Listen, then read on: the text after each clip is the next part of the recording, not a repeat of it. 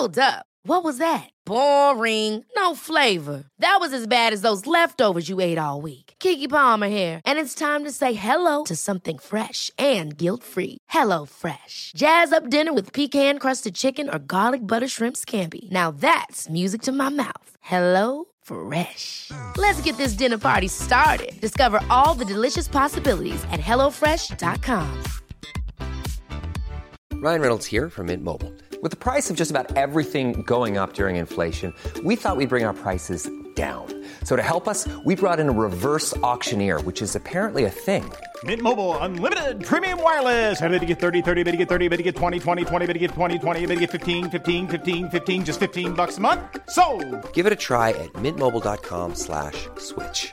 $45 upfront for three months plus taxes and fees. Promo rate for new customers for limited time. Unlimited more than 40 gigabytes per month. Slows. Full terms at mintmobile.com. Hi, I'm Daniel, founder of Pretty Litter. Did you know cats tend to hide symptoms of sickness and pain? I learned this the hard way after losing my cat, Gingy. So I created Pretty Litter, a health monitoring litter that helps detect early signs of illness by changing colors, saving you money and potentially your cat's life. Pretty Litter is veterinarian developed, and it's the easiest way to keep tabs on your fur baby's health right at home. Go to prettylitter.com and use code ACAST for 20% off your first order and a free cat toy. Terms and conditions apply. See site for details.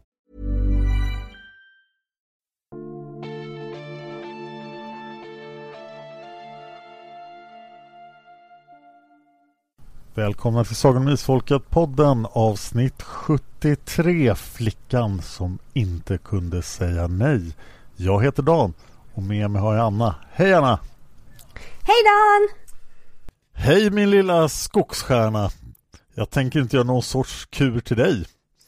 Det törs jag inte för jag kan aldrig veta när du menar allvar. Det, det är ju bra för jag kan inte säga nej heller så, eh, eller jag menar ja eller nej. Jag är förvirrad. Vad är det jag vill egentligen? Vill jag bli älskad eller vill jag inte bli älskad? Ja, det verkar ju som att Elena är ganska intresserad av eh, åtminstone tre män i den här boken. På väldigt kort tid, på en vecka. Ja, och ändå blir hon inte kallad för glittervacker slyna. Åh oh, gud, Dan, jag är så kluven till den här boken. Å ena sidan så är jag jätteglad över den. Och har mycket positivt att säga. Å andra sidan så är jag så jädra skeptisk till så mycket som har åldrats så dåligt och det är så kast och det är så mycket. Och alla konstiga ord. Det var så många ord. Jag bara jag vet inte om det här är ett riktigt ord. Jag har kollat upp ett antal ord så jag kanske kan eh, bidra med lite bildning runt de här orden. Ja, snälla, för det var några, det var så här tror inte att den, jag tror att Margit bara har hittat på det här ordet. Jag har inte hittat något påhittat ord. Men eh, jag tycker också man märker väldigt tydligt att nu har Bladkompaniet börjat tappa kontrollen över Margit. Jag håller med. De har släppt kontrollen helt och hållet. Det blir så här, allt Margit skriver blir till guld så hon får köra. Och jag känner väl att det hade väl varit bra om någon redaktör satt och sa till Margit att absolut, jag förstår hur du menar. Men det här måste nog skrivas om. Eller vara lite bättre, lite tajtare. För att det är väldigt lätt för bra författare att glömma bort att hur bra de är när de får fria händer. Jag undrar vad försäljningssiffrorna var jämfört med Isfolket och Häxmästaren. För att det var ju många som eh, prenumererade på Margits böcker och bara accepterade allt som kom. Mm, jag var ju en av dem, eh, när jag började läsa Ljusets rike så var inte den ut, eh, så var inte alla delarna ute än. Så jag gick ju troget och väntade och beställde hem dem till bokhandeln. Ja, jag gick ju troget till Pressbyrån och lånade böckerna av Jenny som prenumererade på dem. Tack Jenny! Mm. Men försäljningssiffrorna, det ska vi kolla upp någon gång i framtiden. För det här är intressant. Och den här boken Dan, var tusan börjar vi? Jag orkar inte! Vi fick ingen Miranda, det är det första jag vill säga. Jag är så kränkt! Ja, var är Miranda?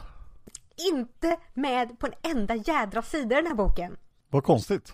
Kanske var för att hon kunde säga nej för mycket. Jag tror det. Det är ju kul. Ja, i det stora hela är ju den här en bok som kanske presenterar ljusets rike och speciellt då missanpassade stad lite mera. Och så har vi en snäll ramberättelse som ryms i den här boken och inte kommer att ha några återverkningar senare. Om vi börjar med huvudkaraktären Elena. Å ena sidan så är jag så trött på hur menlös hon är i den större delen av boken. Å andra sidan så är det rätt uppfriskande. För att Elena är en karaktär som jag känner skiljer sig lite grann från Margits övriga karaktär där det är en voice of reason som ofta har rätt. Här är det en karaktär som inte är perfekt överhuvudtaget. Som gör dåliga människovärderingar. Det känns som det är hela de här sidorna som man kanske själv sitter och har ibland när man missbedömer människor eller som Elena gör, blir kär i första bästa som blir kär i henne. Man känner ju igen sig lite grann ibland och det är lite uppfriskande. Så, så det får jag ju säga att det är kul att få se detta genom Elenas ögon. För hade vi sett den till exempel genom Indra, som är en karaktär som jag gillar mycket bättre än Elena, så hade det nog blivit väldigt präktigt. Ja, men jag tror att Elena är ett genialiskt drag att skildra den här boken ur för att hon är hon är nog en perfekt spegel för lyssnaren. Eller läsaren.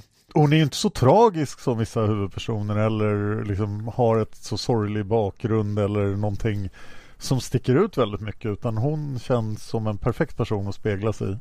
Ja, och jag tror att väldigt många av Margits kvinnliga läsare kan nog känna igen sig mycket i Elena som den duktiga flickan som inte säger nej, som alltid ska vara till lags och som, som Elena gjort, tar ett yrke som kanske ens föräldrar vill att den ska ha men man själv inte vill.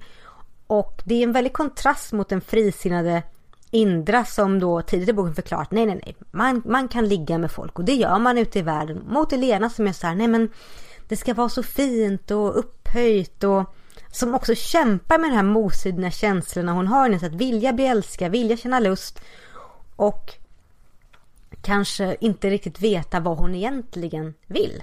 Hur gammal är Elena här? Vi får ju i början av boken en rätt bra sammanfattning också över den otämjda kamratflocken. Men vi får inte riktigt ålder. Det står att Jori, Askari, Armas och Elena är samma ålder. Och Berengaria är fyra år yngre. Ja, och verkar vara här ungefär i samma ålder som Siska och Sassa. För det har blivit tydligt att de tre hänger ihop mer. Indra är jämngammal med Elena och kompani och Miranda är två år yngre så hon är liksom mitt emellan. Jag skulle väl bedöma dem till att vara kanske en tidig 20-årsålder kanske. Jag fick för mig att de var 21. Men jag vet inte vad jag baserade på. Men de fyllde väl år i förra boken? Ja. Hur mm. gamla blev de då? Så 21 kanske de blev. Ja. Vi kör på 21. Jag hör lyssnarna skrika. Förlåt kära lyssnare. Jag och Dan är jättebra på böckerna vi läser men vi kommer inte ihåg dem vi redan har läst. Okej, nu ska, nu ska vi försöka komma ihåg den här för att bevisa din tes. Ja, det första som jag känner när jag börjar läsa den här boken är ju åh vad kul, åh vad bra, vi går tillbaka och sen så inser jag att jag inte har en koll på hur lång tid det har gått sedan förra boken men jag höftar att det kanske har gått ett år för alla verkar vara jättetajta. De har kommit sig till rätta, de har flyttat in, de har liksom en viss eh, dialog. Indra och Elena har blivit superbra vänner så jag förutsätter att det har gått ett år. Vilket känns helt rimligt så vi slipper få en ny introduktion till allt som händer. Så det är jag glad över. Och sen så kommer mitt hatobjekt och det är att Dolgo kunde inte sova och sen vill jag slänga boken rakt i väggen för jag bara orkar inte med att vi ska höra Dolgo i en hel bok Dan. Varför drabbas jag av detta? Jag fick ju en eh, en tanke från en lyssnare precis innan vi skulle spela in det här. Oho. Du känner till konceptet parnamn? Ja. Och att Dolgo skulle vara en en hint om ett parnamn. För Marco och Ah! ah! Gud ja! Jag kan förlåta allt om det händer. Jag köpar ju dem så hårt. Och i den här boken så tassar... Ja, vi, vi kommer dit men det känns som Margit kanske bäddar för någonting. Om inte Dolg faller för de här eh, något eh, nakna och konstiga alverna på framsidan av boken. Åh, oh, orkar inte. Orkar inte. Okej. Okay. Tydligen kan uh, Dolg också känna, ska jag säga Dolg? Ska jag säga Dolg? Ah, jag vet inte. Jag, ah. jag tycker att, vad, vad säger våra hjärtan Dan? Mitt hjärta säger Dolg. Uh, ja, det säger mitt hjärta också. Eller ska vi vara trogna mot boken? Det var svårt. Hade inte vi bestämt där? Jag tror vi bestämde att vi inte skulle säga Dolgo. Dolg verkar nu kunna känna ondska dyka upp också. Är det en gammal förmåga han har eller? Jag minns inte riktigt det. Jag är lite glad att, att hans, hans egen skyddsande dyker upp och sådär. Han får ett litet moment där. Men ärligt talat, jag, det känns som att Dolg kan det mesta nu för tiden.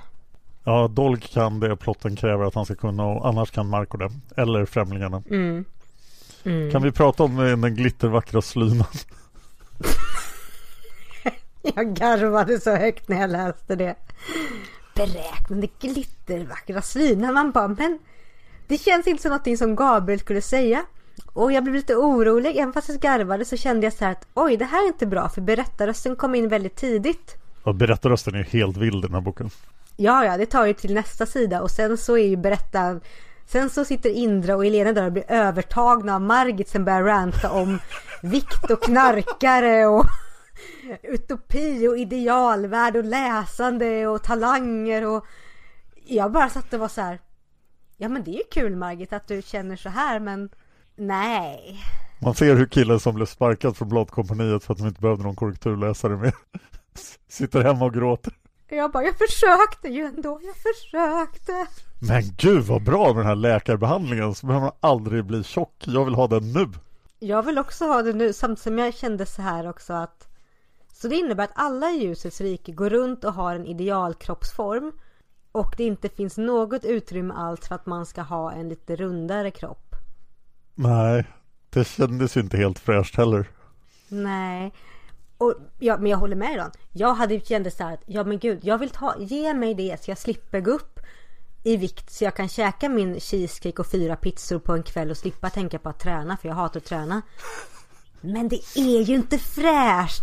Det blir bodyshaming både mot övervikt. Sen så slänger Margit slängor till anorexi, anoreximagra flickor och säger så här det må vara som att köra kuken i ett spikpaket. Jag bara, men Margit! Ja, det, det är också så. Vad helvete. Jag bara, ja ska det vara bodyshaming så ska det ju vara ordentligt och jag vet inte riktigt vad Margit vill säga här. Men det kan, jag kan tänka mig att det här landade nog väldigt bra hos väldigt många kvinnliga läsare på den tiden. Jag kan nog säga med 99% säkerhet när jag las, läste den här boken första gången så landade det nog väldigt bra hos mig också. Men det har åldrats väldigt dåligt. Följer du Henrik Wahlström på Instagram? Ja, Bamse, Bamseparaden. Ja, han eh, tar ju grejer från 90-talet och, och klankar ner på deras kvinnosyn och, och kroppsideal. Hopp, hoppas att han inte kommer över den här boken. Nej, för vi kan bara ta printscreens för den här boken och lägga ut det bara. Oj, oj, oj, oj, oj. Ska vi ta och prata om de missanpassade stad redan nu? Ja, för det har inte åldrats så bra heller. Nej, för det första, just det här med viktidealen måste jag bara säga att det känns också Nazityskland att alla ska vara smala och smärta. Mm. Men de missanpassade stad är alltså folk där är så korrupta att de vill bo där trots att de alltså dör av det. Mm. Det är det enda stället man dör på. Det här broschyren när man ska flytta till de missanpassade stad måste vara väldigt säljande för du, så här, det finns sjukdomar och död och främlingarna bryr sig inte riktigt. Du får inte liksom vara i närheten av solen. Och, och du åldras så alla andra kommer vara liksom 35 i hela riket men du kommer vara 60 om vi som ett tankeexperiment då tänker att i Stockholm är de missanpassade stad och där är det som där, men i, i Södertälje där är, är det ingen som är äldre än 35 alla är smala och alla mår, mår perfekt borde inte folk då flytta till Södertälje? Fast det verkar ju som de inte får flytta ut heller. När de väl har flyttat dit så får de inte liksom flytta tillbaka för då säger väktaren nej, det var för stort bekymmer. Och det känns som att många flyttar hit av den enkla anledningen att de tycker att övergången blir lite för jobbig. Och här känner jag också att det blir en, en ren krock. För det verkar som att vi har de som är korrupta som du säger. Men sen har vi också till exempel Heinrich Rusch von som tycker att ja, men jag vill hellre bo i en stad där jag känner igen mig.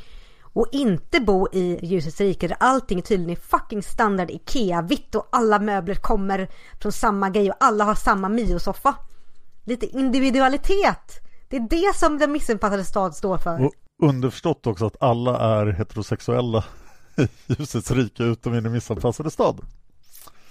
Ja, det, det var jättesunkigt. Jag bara, nej men gud. Så det är lite grann som gettot i Warszawa efter invasionen av Polen. Ja, mm. vilket leder mig också in till att den missanpassade stad är enda staden som tydligen har prostitution. Ja, vilket väktarna tycker är helt okej. Okay. Ja, Men de har inte förbjudit män att, att köpa sex för det tycker man tydligen inte man ska göra någonting. Jag bara, men vad har ni då jävla lagar till era stolpskott? dessutom har de flesta i de missanpassade stad vapen får vi veta. Varför har de det? Alltså det känns som att de bara slängde ner en massa folk i en hög och bara vi får se om de har ihjäl varandra senare. Ska vi ha lagar? Nej, det är lugnt. Jaha, här pågår sexhandel och lite, lite förmodligen lite andra grejer. Äh, det, det reder sig med tiden. För om de inte gör det så blir de utrensade. Ja, det blir de. Och det vet vi inte riktigt vad det innebär än.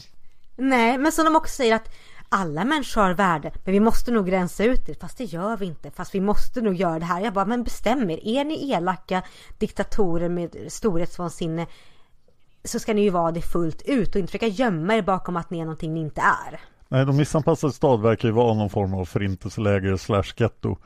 Men Ja, det hur stor är den? Jag tänker mig att den är, alltså den verkar ju vara en lite mindre stad. Så jag tänker kanske size Uppsala. Den beskrevs ju som storstad i någon mening. Det känns otroligt luddigt hur stor den är, men om det här är enda stället för missanpassade, vi vet ju inte liksom hur mycket människor och andra saker som bor i ljusets rike, men Nej. det måste ju vara ganska många. size. Om vi vet att ljusets rike är till storleken som Island. Så måste ju huvudstaden vara som Reykjavik. Så jag tänker att det här kanske är rikets femte största stad. Men Kanske? det är till ytan som Island kanske, men till befolkningen borde det vara mycket mer, för det är inte fullt av elaka vulkaner. det är sant. Och alla verkar bo i suburbia ut- utom de som får bo i sagostaden och andra konstiga ställen. Men eh, det är några miljoner i alla fall skulle jag gissa. Några tiotal miljoner kanske till och med. Jag tror det också. Vi får stå fast vid den siffran tills vi får något mer Ja, officiellt. så min arbetshypotes är att de missanpassade stad är size Stockholm. Mm, jag tror på size Uppsala med omnöjd. Men mm, Kanske får enas om att det är som Göteborg. det är en bra, bra mellangrund. Och eh, ja, vi hamnar ju in i ett... Eh, på tal om prostitution så börjar ju liksom där med det här eh, mordmysteriet som går som en röd tråd genom hela boken. Och det får jag säga då att det här mysteriet tyckte jag faktiskt om med boken. För jag kunde inte lista ut någonting överhuvudtaget. Sen är jag genuint dålig på sånt här. Men jag satt som på nålar och var, men vem är det? Och hur är det? Va? Det är två! Åh herregud! Var, charmerade mig att det var en seriemördare. Och Ja. som seriemördarintresserad så var det en ganska bra seriemördare. Det kändes som en typisk seriemördare. Och Margit har ju visat Mm. prov på det tidigare att han var intresserad av seriemördare. Mm. Här känns det som hon har läst någonting om seriemördare. Det är snyggt eh, upplagt och snyggt eh, skrivet, snyggt beskrivet och jag tänkte faktiskt just på liksom att men här kommer Dan gilla just med alla små detaljer om seriemord, hur man planerade, vilka han gick efter och så. Och så just att det fanns två intriger var intressant och att de hade Mm. någon slags relation till varandra. Det gillade jag också. Ja, Eller tre eftersom eh, Men det, det är en mer lång plott. Vad är det Främlingarna bygger i Silverskogen? Det är nog den läskigaste plotten i hela den här boken. eh, ja. Men det är den långa plotten känns det som. Oh ja, Vi säger så här. De missanpassade stad, här har vi då de väldigt korrupta och vi har de som mest bara vill vara lite individualister och leva sitt eget liv. Och trots detta så tycker väktarna att här ska vi inte vara några regler och lagar. Också hit skickar vi alltså ett gäng ungdomar som är på den här liksom task force för att vakta ett fyrverkerilager där det har sprängts lite grann. För det tycker man är ansvarsfullt och jag bara säger men herregud. ja var, varför, varför dem? Nej, jag förstår liksom inte riktigt att så här. Nej, men att de är med liksom extra vakter. Men de, sänd, de sänder ut unga under utbildning utan någon mentor. Vilket är så otroligt oansvarigt överhuvudtaget. Visst, man kan ha unga under utbildning, man kan sända ut praoelever och, in, och praktikanter. Men du har ju alltid en mentor med dig. Här slänger de ut dem till en stad där de är så här, jaha, nu, nu har vi kriminella i, missanpassande stad. Gud. Oh. Jag måste inflika att den en person som är med väldigt mycket i den här boken men som inte har någon personlighet överhuvudtaget är ju Ram. Han är en token främling, han leder allting men han är liksom bara främling, det är hans enda egenskap. Ja, jag vet inte ens hur han ser ut. Jag vet bara att han är den som är den här Jaha, här har vi ett mysterium och nu drar vi in de här personerna. Han är spindeln i nätet fast man glömmer att han är där och så plötsligt så kommer han och går. Han är lite grann som, som länsman eller lagmän i Margits tidigare böcker. Ja fast de brukar ha personligheter och vara så här hjälpsamma och Ja. glada men eh, Ram är bara där, han leder det och han har ännu mer anonyma väktare med sig som är x antal som också känns väldigt luddiga. Mm, det känns som att Margit har någon plan för detta med hur hon vill lägga upp väktarna och ram. Men det är inte tillräckligt klart än. Vilket kanske hade blivit bättre om hon hade haft en korrekturläsare eller en redaktör. Alltså varenda gång jag hör Ram och väktarna så ser de i Gestapo-uniformer. Nej men Dan! Förlåt, jag kan inte låta bli. Det är inte långt ifrån i alla fall. Ja, så eh, sen introduceras vi för lite intressanta karaktärer i De missanpassade stad. Mm. Kan vi också prata om att just här missanpassad så röker man. Och det gjorde man inte annars i ljusets rike. Jag bara, men snälla hur präktiga får ni vara? Ja, ja, det är så mycket roligt man kan göra i De missanpassade stad som man inte får göra på andra ställen tydligen. Mm. Men vi har ju borgmästaren som verkar vara trevlig och bra. Polismästaren som verkar bara vara tjock och Korrupt. och så har vi revisorn och sen då borgmästarens hustru, hans svägerska och revisorns syster blir vi introducerade till väldigt snabbt. Och vi får återse Heinrich Rusch von Gera. Och man får inte glömma den, den färgstarkast tecknade karaktären i hela De missanpassade stad. Herr Buse. Ja! Kommer du ihåg Bamse? Ja. Knocke och Smocke. Ja, Mm, det är herr Buse för mig. Fast med skånsk dialekt så det är nästan lite grann som Emil i Lönneberga, de där som Alfred slåss med på marknaden. Bara, jag ska banka ditt krösamos. och det för oss fram till dagens första underliga ord. Krösamos. Som enligt Indra inte är platt. Nej. Och jag var tvungen att konsultera då Uppfinningarnas bok från 1874 som jag hittade på nätet. Ja, jag tänkte säga, du kollade på Google, eller hur? Ja. Och där står citat I vissa trakter av landet, till exempel på norra Öland och inuti Småland ingår lingonmoset, krösamoset som en ganska väsentlig del av den fattigare befolkningens dagliga föda. Så det är sylt. Ja, det låter ju bättre att säga jag slår dig flat, flat till krösamos än jag slår dig till sylt. Jag slår dig till lingonmos. Herr Buse är en färgstark karaktär och verkligen får ju mer utrymme än Ramoväktarna. Jag får definitivt mer personlighet i alla fall. Och han verkar ju inte tycka om främlingarnas förtryck och de missanpassade stad och så här, men eh, sen dör han ju förstås. Sen dör han.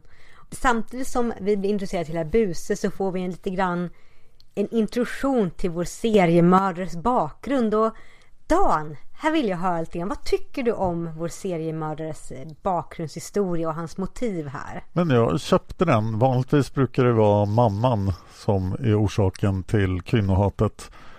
Men eh, jag, jag köpte den här förklaringen. Det kändes som en trovärdig seriemördare. Ja, jag tyckte hans historia var väldigt, eh, var väldigt bra. Väldigt hållbar och känns också som att igen att främlingarna borde verkligen ha lite bättre koll på vilka de släpper in i ljusets rike. Främlingarna borde ha väldigt mycket bättre koll på mycket. Men eh, de har alltså, som du sa, tagit in de här oerfarna ungdomarna i de missanpassade stad. Men de kan inte ta in sin största fancrush. Främlingarna är ju så sjukt förtjusta i Marco. Och så har de bestämt att Marco är för ren och ädel för att ta med. Jag förstår inte detta och som jag tror det var Indra sa att han har varit med om mycket värre saker.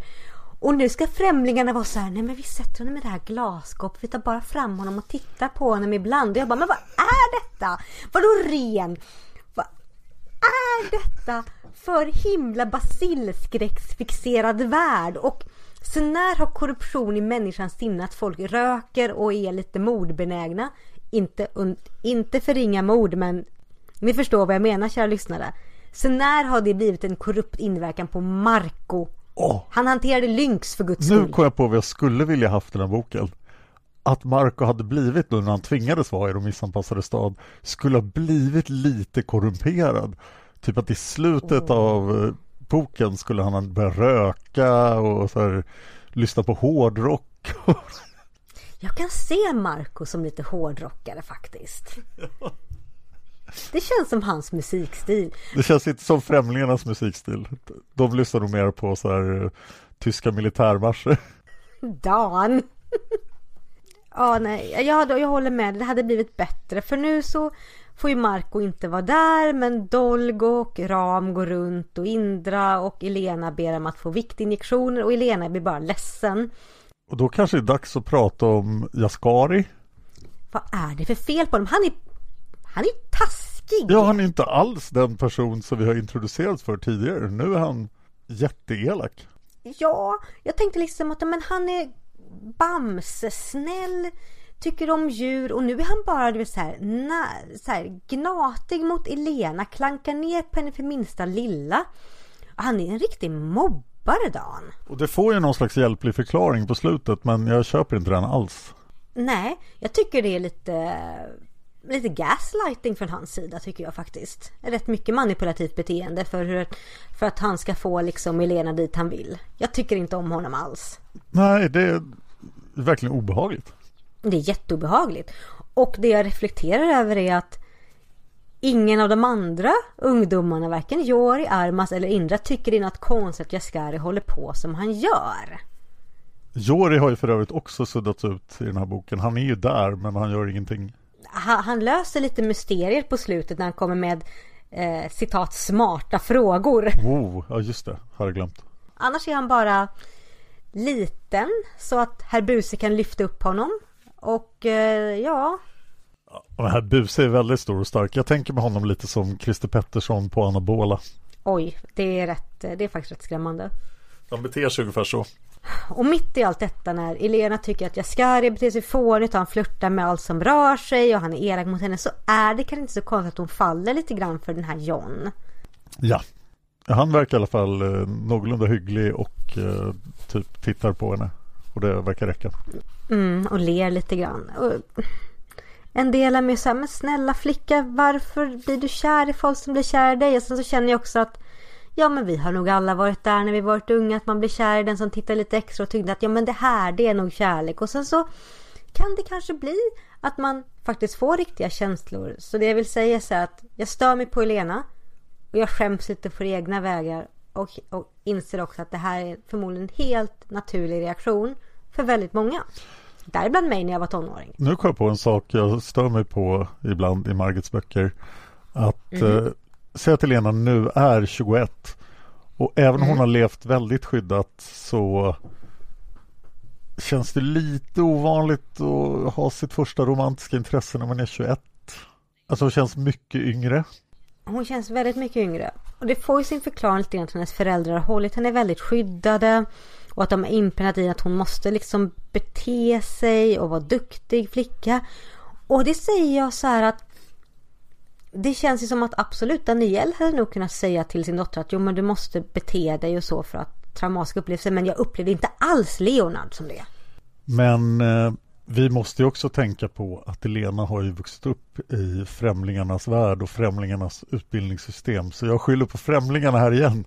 Ja fast då känner jag bara vad, vad är främlingarnas sexualutbildning och bara så här att någon form av undervisning i detta. Sen tänkte jag att det måste finnas något sätt att få kontakt med det motsatta könet på 21 år i Främlingarnas värld.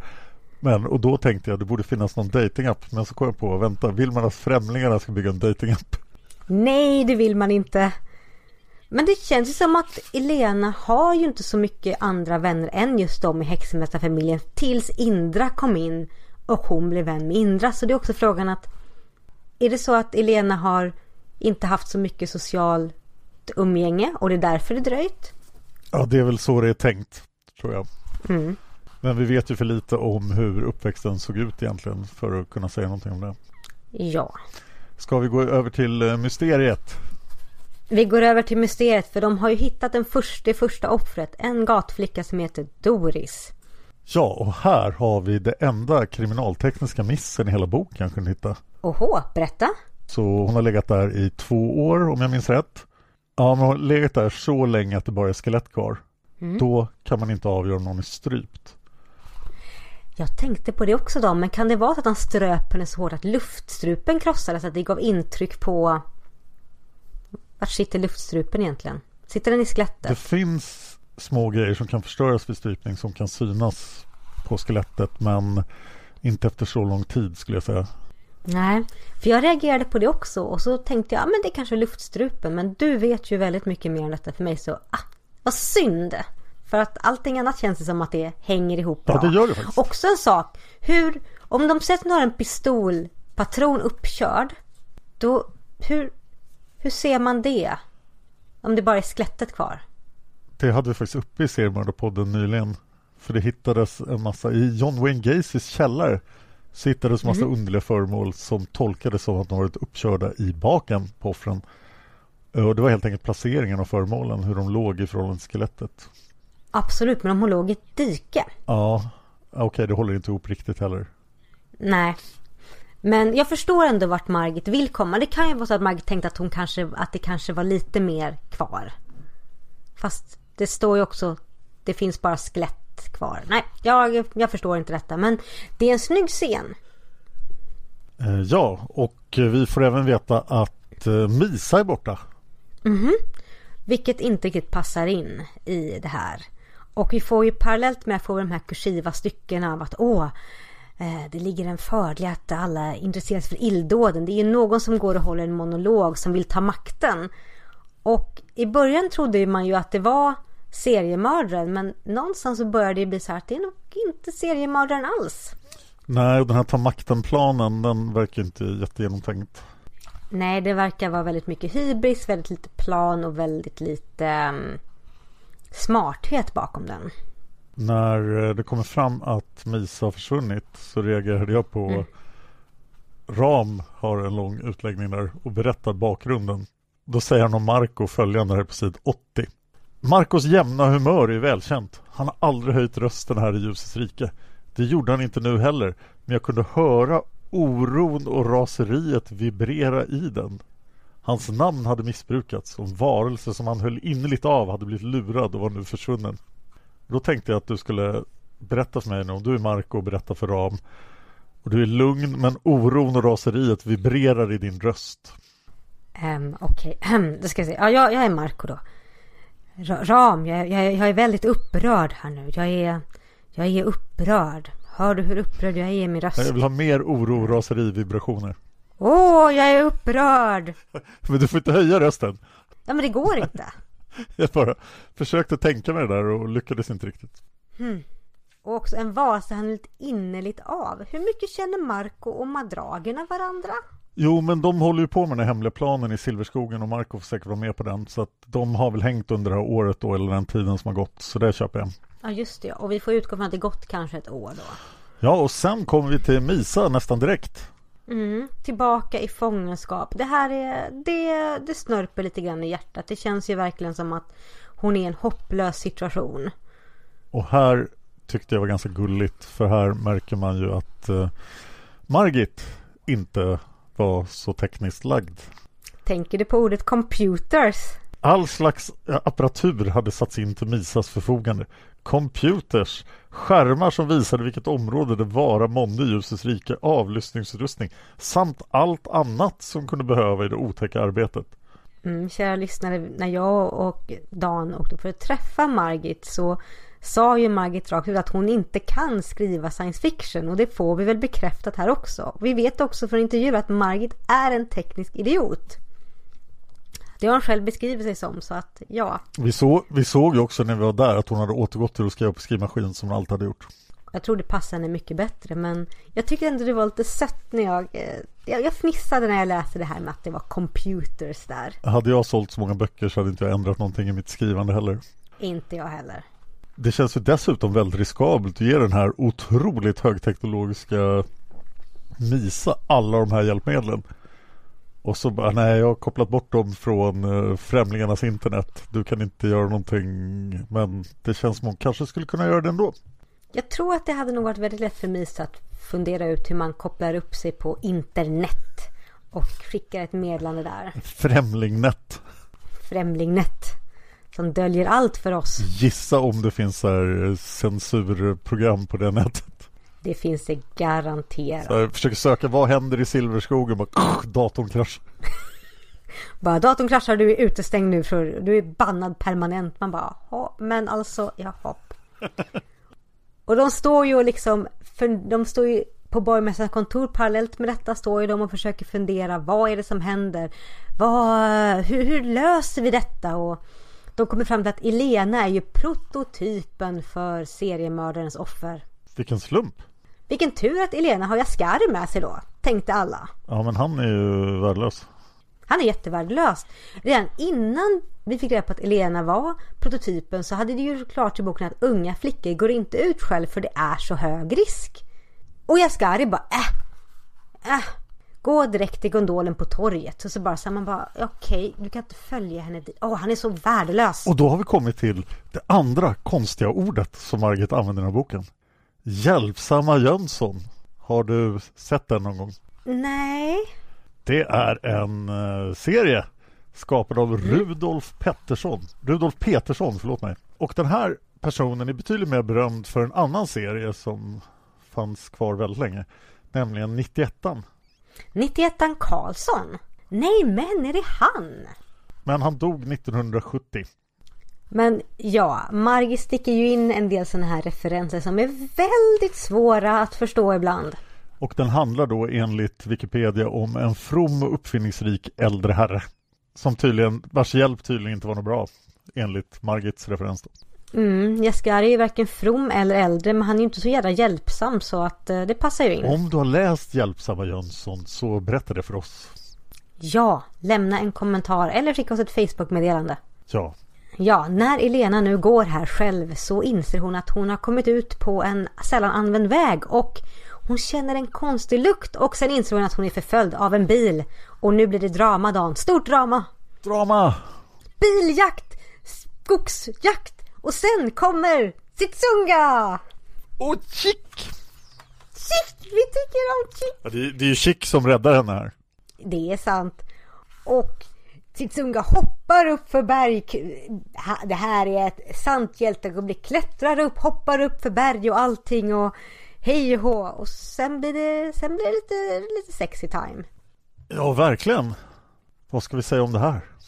att främlingarna är riktigt vidriga. För här får vi ju bekräfta liksom att jaha, så Sitsunga fick ju komma in i gemenskapen i ljusets rike. Vilket är bra.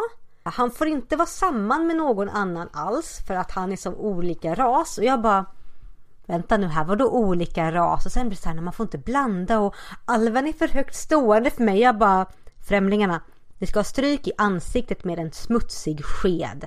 Kanske det de gör i Silverskogen, bygger ett rasbiologiskt institut. Det känns ju som det.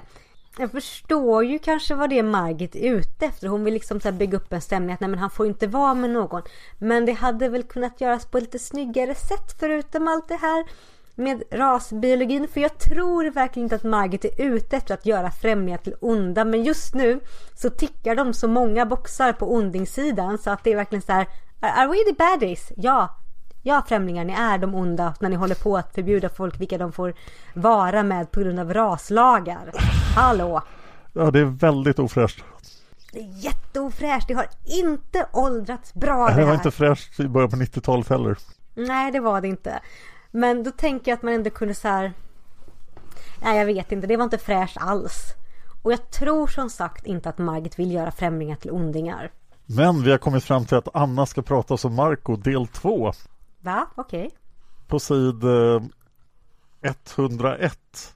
Eh, 101. Ja, så kommer ja. Marco att blanda sig i en konversation här. Men när han har talat så står det alla blev så lyckliga över att höra hans melodiska röst.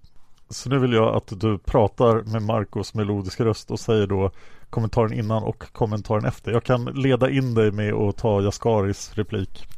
Jag gör det. Men då får du säga det som Jaskari också. Lite grann som Bamse, fast lite dumt. Förlåt. Jag har inget emot Elena. Det vet ni mycket väl. Det är väl mitt dåliga samvete som säger alla de där dumma orden. Men det är ju snällheten som retar mig. Hon är ju snäll mot alla. Det finns inget krut i henne.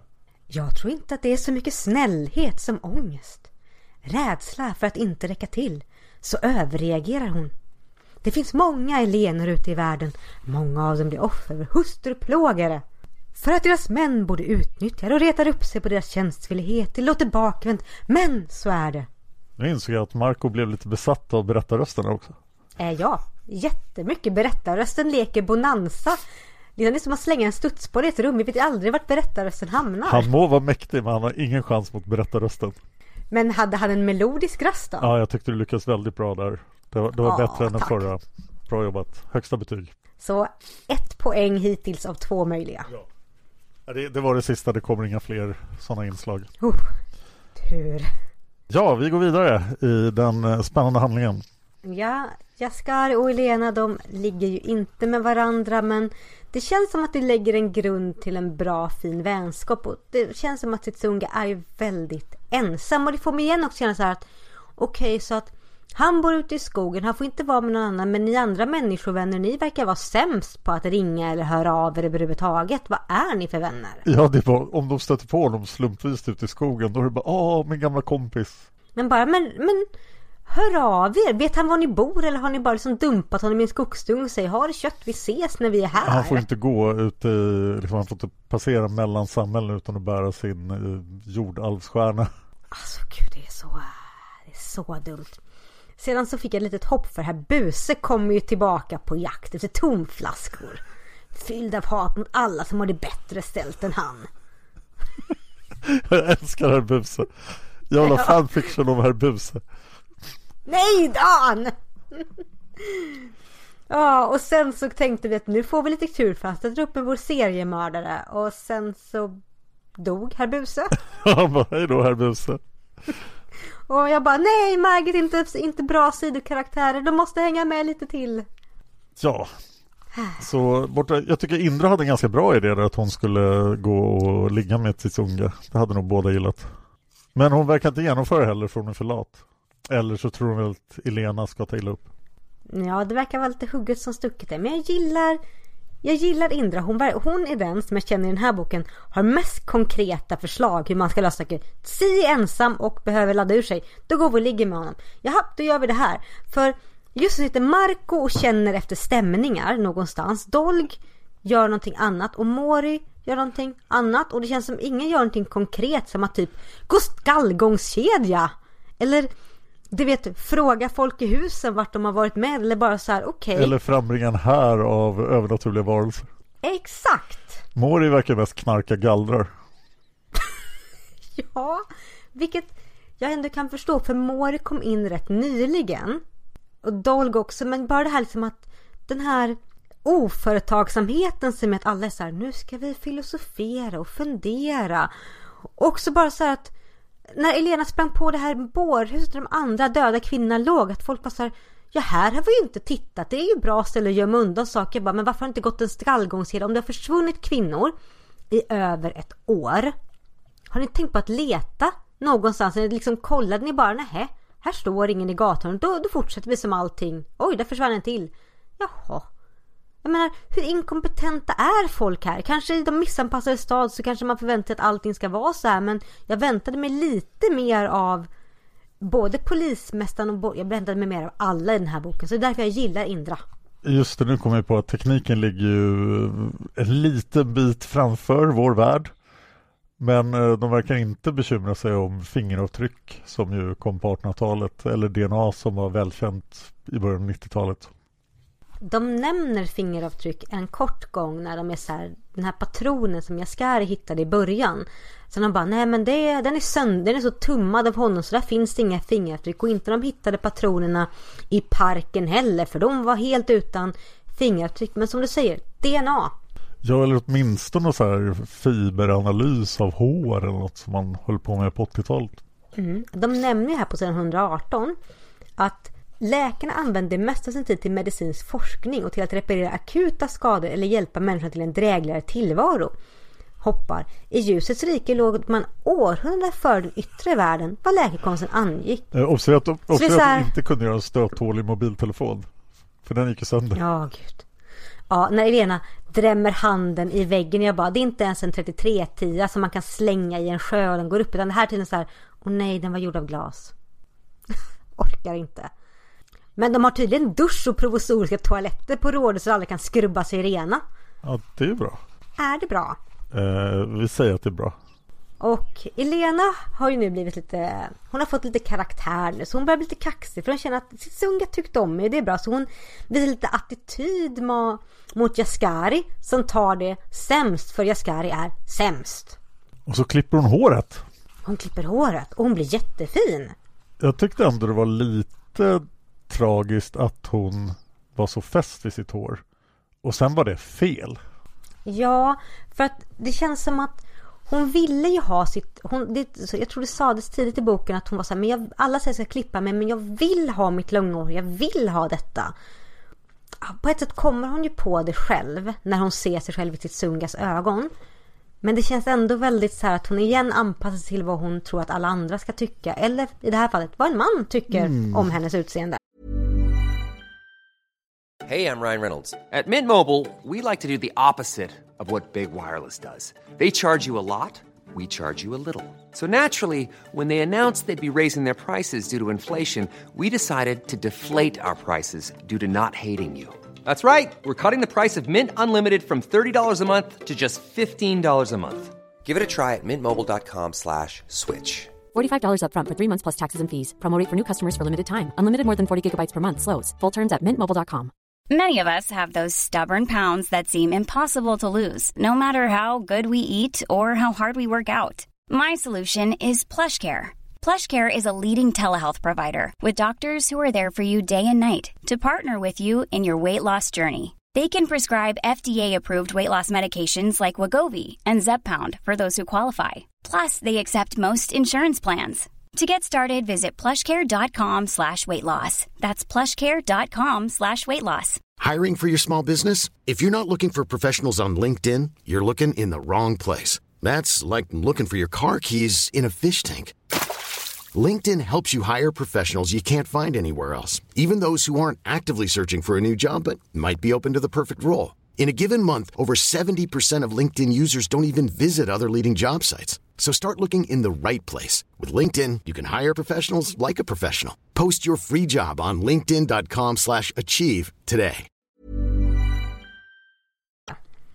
Inte så fräscht. Okej, vi, vi enas om att ingen berättar om den här boken för Henrik Wahlström. Nej, kära lyssnare gör inte det. Huh.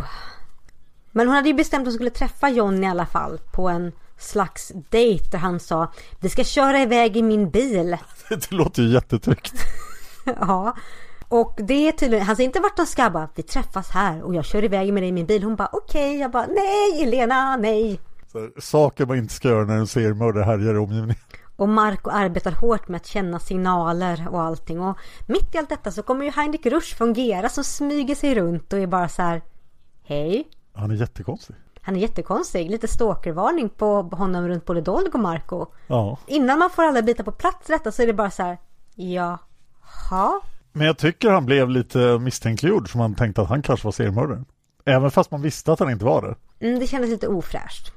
Och vi kommer till varför det är ofräscht lite senare. Ja, vi gör ju det. Oj, oj, oj. Nu då, jag, jag tycker om sånt här. Elena har klippt håret, allting är bra. Sådär, men Ram nu här på sidan 137 blir ju riktigt arg att nu, nu får, går det inte att det är så här i den här staden längre. Det är en skamfläck på ljusets rike. Vi måste bygga ett arbetsläger med gaskammare. nej, det, nej, det sa han inte direkt rakt ut. Fast han sa ju så här att antingen låter den heliga solen få verka eller också får vi företa en utrensning. Det är jätteobehagligt. Ja, och sen så säger han att just Margit säger liksom att Ram fortsatte med att ta tillbaka något av det han hade sagt. Att den heliga solen, det funkar inte. Så då blir det utrensning. Och jag bara så här, ursäkta va? Och det här känner jag, vi kan tycka hur mycket vi vill om att det är mycket korrupta människor i den missanpassade stad. Men om vi ser det krasset så har det alltså varit människor från flera århundraden som har dumpats i en stad för att de inte passar in i det övriga riket. Antingen för att de är lite för jobbiga för att de inte kan anpassa till en helt ny värld för att de kommer från 16, 17, 18, 1400, 1500-talet. Eller så är det bara för att de, ja, de, inte, de är olyckliga.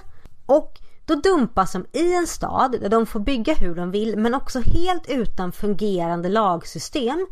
Där ingen säger att det här får ni göra. För hade väktarna velat göra det här rätt så hade de sagt att ja, men, ni får göra det här men vi måste ha fungerande lagar. Och sen när allting är liksom så kört som det bara går, de bara nu gör vi utrensning för att ni kan inte sköta er. Och jag bara nej Ram, det är ni som väktare just som har svikit de här människorna så hårt. Men det är en, ännu värre än så för att han ska ju nu göra någon konstig översikt över alla invånare i de missanpassade stad och med en åsiktsregistrering.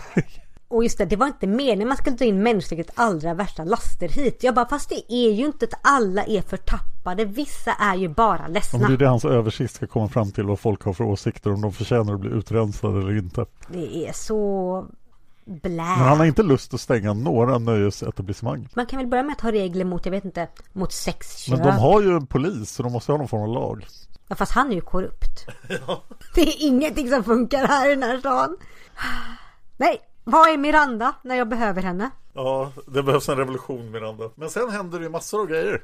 Ja, Jaskari blir skjuten. En fantastisk actionsekvens här. Och ganska oväntat också. Ja, jag var inte beredd på det alls. Och Elena får liksom nästan rädda livet på mig. Och sen blir John skjuten. Och nerslängd från taket eller hoppar eller... Nej men alltså han blir skjuten och faller från taket. Ja, väl orkestrerat.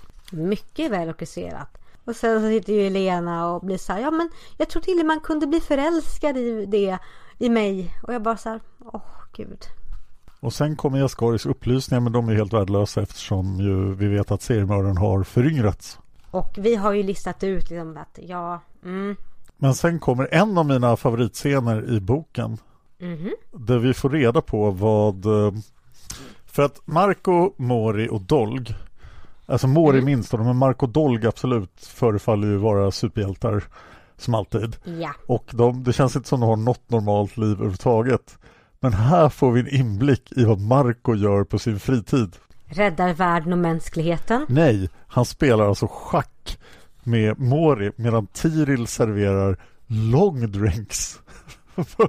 Vart gör han det? Det här har jag missat. På sid 158. Jag citerar. Marco hade suttit hemma hos Mori och spelat schack. Ett riktigt spännande parti var det.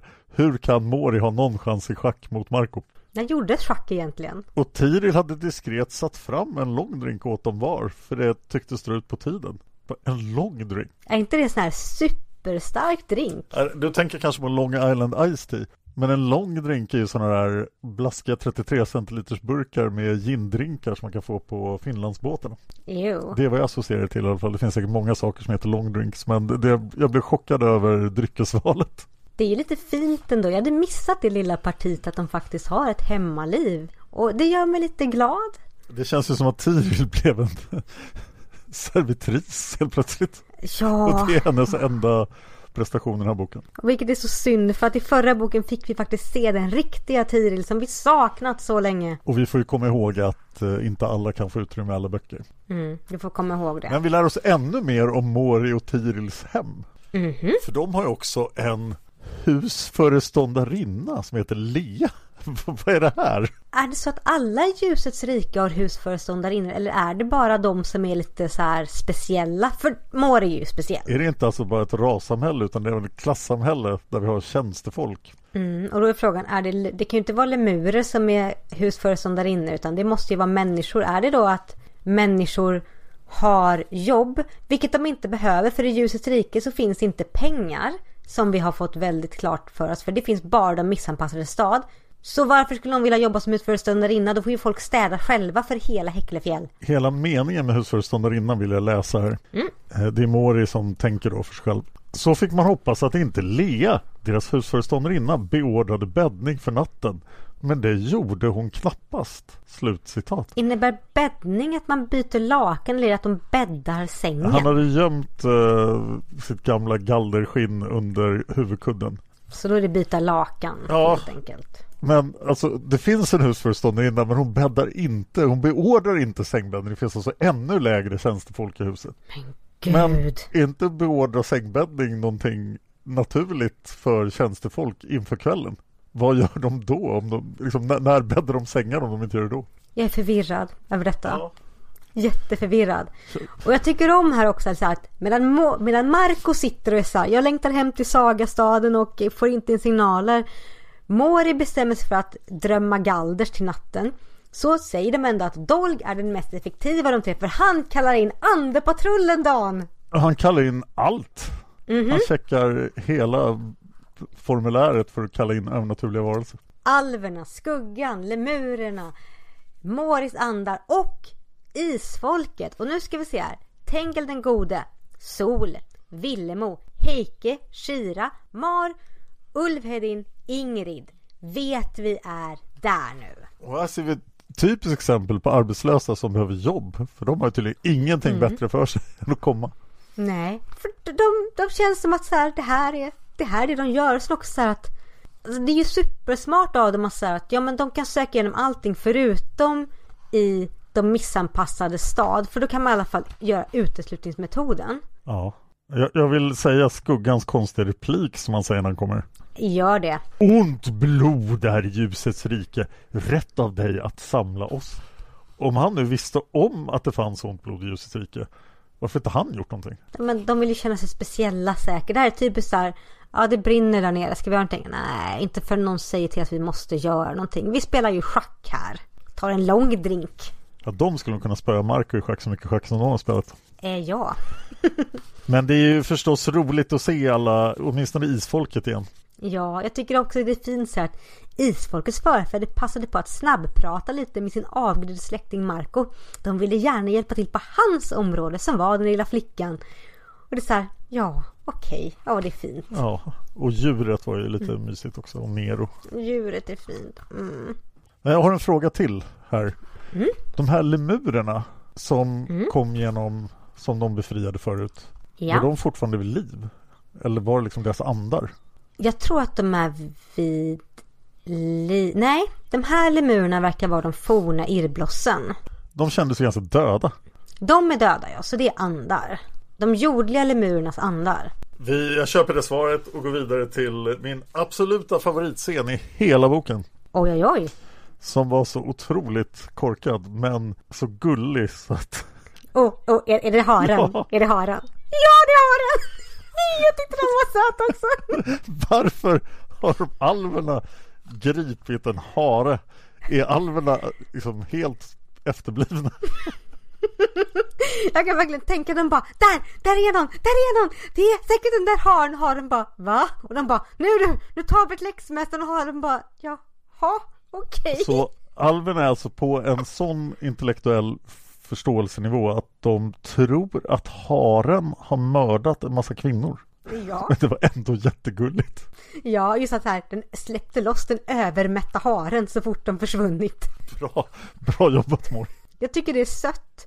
Men mängden dilly-dally som de gör i det här mordmysteriet och bortmysteriet, det säger jag bara, jag är förvånad inte dör fler på vägen. Vad gjorde de andra alverna? Det var ju ändå ganska många alver. Gjorde de ingenting eller grep de sniglar och bladlöss? De kanske dödade misstänkta sniglar och harar istället.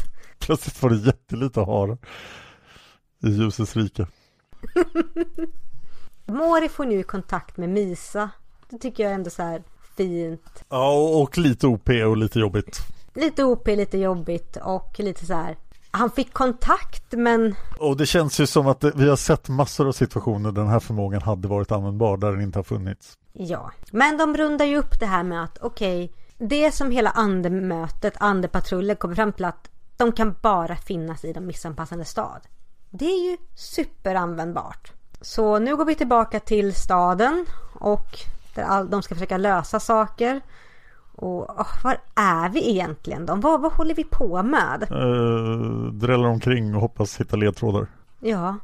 Och Indra kommer Indra kommer med liksom de här fotona, kommer springande och löser allting. Ja, det var, det var också lite snyggt tyckte jag. faktiskt. Ja, jag gillar Indra för när de andra går och dillidallar runt det är bara så här, jaha okej.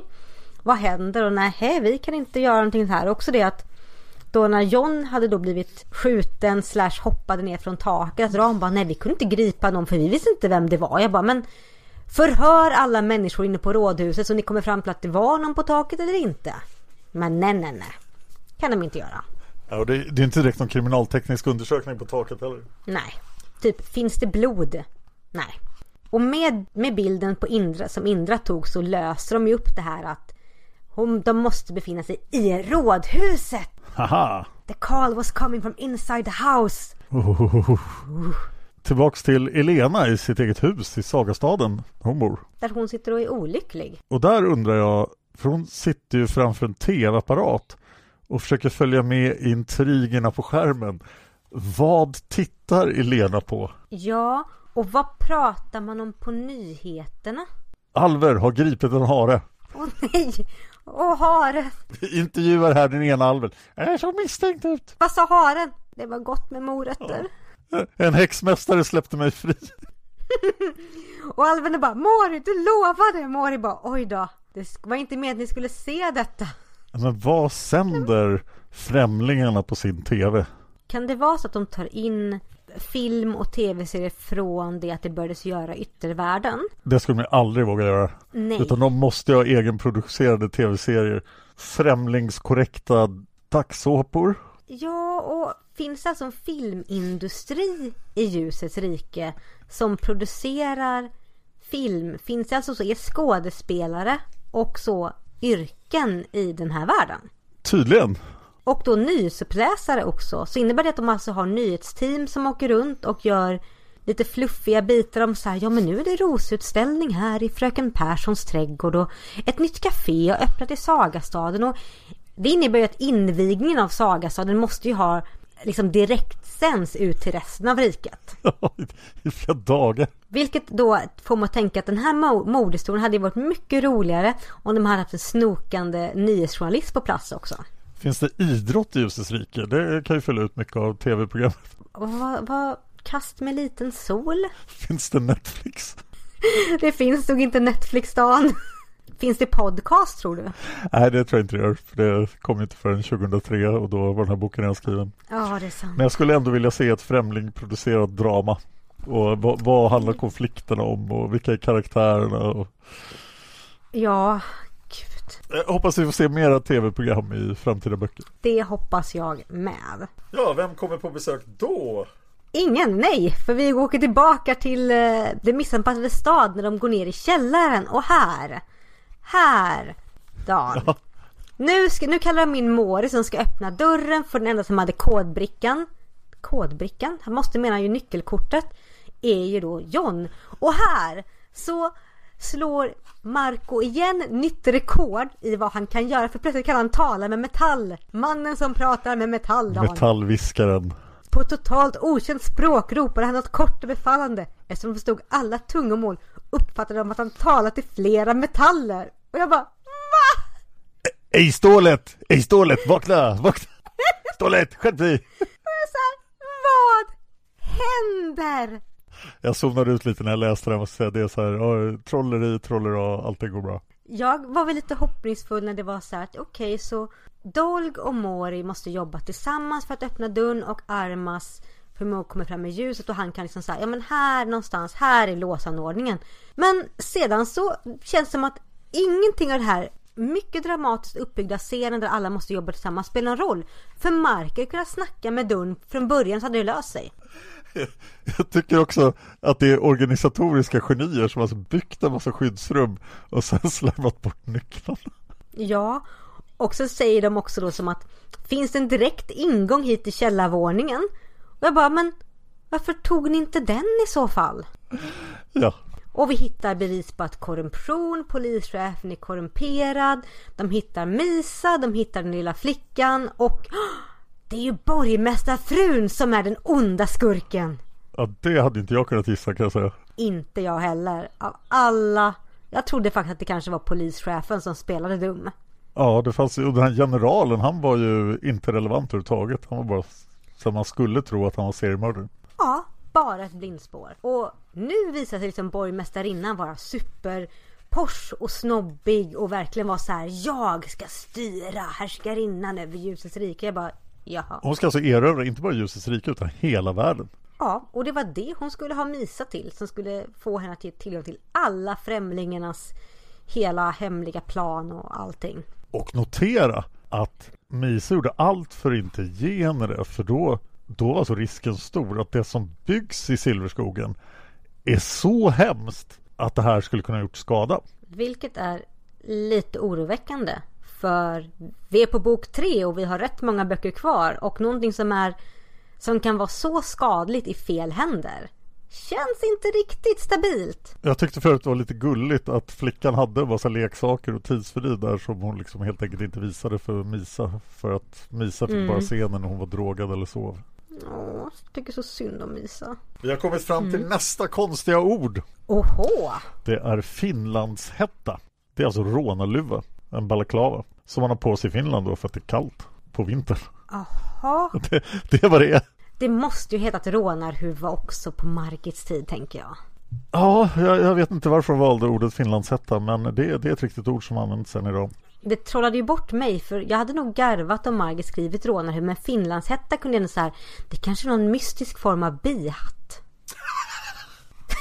ja men det var det jag trodde. Nu måste vi prata om homosexualitet.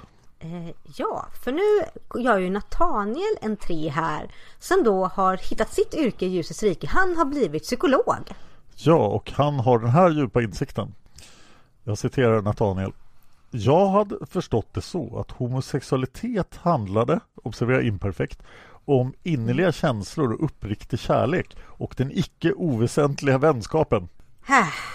Nu är jag inte homosexuell, men eh, jag tror att många homosexuella inte skulle instämma i den här definitionen av homosexualitet. Mm, och jag känner väl, jag, jag är inte heller homosexuell men jag känner också att så här, men herregud nej vad fel det blir.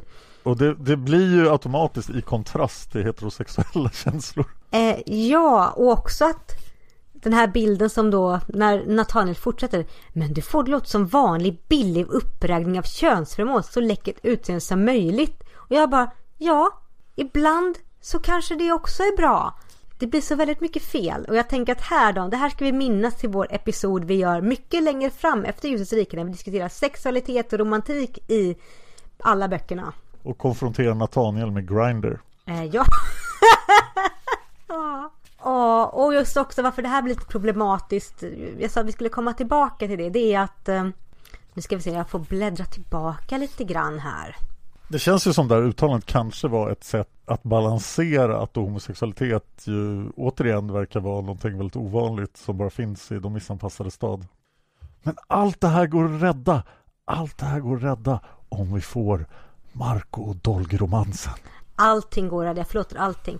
Jag hittar inte det nu, men tidigare i boken skrev, så skrevs lite grann att ja, de pratade om revisorn och eh, Henrik Heinrich liksom i dolda termer att ja, och det är inte så bra när vi har individer som kanske handlar om då kvinnohat. Kanske inte just hat, men ja, i de här termerna, jag bara ursäkta, så när handlar homosexualitet om kvinnohat? Det är inte vad det handlar om. Och då kände jag bara nej! Sen har vi dessutom schablonen här att här, en homosexuell hittar en enda annan homosexuell i hela världen. Och, och då, så här, men du kan ju dejta honom. Bara. Och det verkar ju vara de enda i hela ljusets rike som Henrik säger och bara det att veta att när som jag är tillräckligt och jag bara men seriöst! Åh vad ledsamt det här är! Det blir en ganska liten Pride-parad. Väldigt liten Pride-parad och jag kan säga jag förlåter allt det här om vi får Marco och Dolg. Och sen kommer ett litet oväntat stycke här precis efter det. Och det är att Gabriel ber Marco att återuppväcka hans son. Djurkyrkogården. Nej, mitt i allt detta liksom. När de har hittat Misa och Veronica och löst allting och Nathaniel har varit psykolog. Så ska Gabriel då få tillbaka sin son som jag inte minns har hänt så mycket av. Det är att han dog. Ja, det här känns verkligen som början på en skräckfilm. Jag tyckte han var jätteläskig när han kom där i slutet. Tyckte jag med. Brr. Men innan vi kommer till det så har vi ett mordmysterium kvar. Ja. Vem är mördaren Dan? Men vi har också en teknologi som ligger hundra år före minst. Där det finns en telefonkiosk i ljusets rike. Jag tänkte på det också, med alla bildtelefoner och telefoner som går sönder så finns det en telefonkiosk. Hur hittar du hit? Enkelt, jag uppsökte en telefonkiosk understått och tittade i telefonkatalogen. Och då är också så här, telefonkatalog förutsätter ju då att det finns papper. Och att då trycka allting på telefonkataloger i ett land där det finns begränsat med skog som jag utgår från känns ju inte riktigt som det är det bästa man kan göra. Nej, det var oväntat teknologiskt inslag. Okej, nu löser vi mysteriet. Ja, för det är ju John som är mördaren, det hade vi ju. Va? Chocken! Jag räknade inte ut det förrän... Han kom på besök. Det kändes ju lite skumt. Ja, han kom på besök, nej. När han sa du är så vacker. Åh. Då var det så jag bara, åh nej! Då, då kände jag faktiskt bara, hela hjärtat bara vreds om. Jag bara, åh nej gud. Där, där lyckades du Margit. Det här var bra. Det här var riktigt bra. Och också de bygger upp nästan med att Elena sa, ja men det här är ju mannen jag älskar men det känns inte rätt. Det känns fel och det känns, det känns inte någonting. Och så just så börjar han börja säga de här orden så känns det verkligen då, mm, Margit. Åh, det här är bra. Ja, det var riktigt bra. Det var ju Mm. precis vad Margit ville och hon lyckades. Hon lyckades med råge. Sen Dan, så har jag ett ord till dig. Oj! Deduktionsarbete. Ja, det är väl utredningsarbete. Kan man inte bara säga detektivarbete? Ja, det kan man nog säga. Det låter ju som en anglifiering, men varför skulle det vara det? Computers, Dan. Hon kanske läste en engelsk artikel om uh, seriemördare där det stod deduction work. Ja, alltså med tanke på Margit så skulle det inte förvåna mig faktiskt. Men vi har punkt två också här i eh, divisionen. Hur ska vi hålla våra överpowerade karaktärer borta?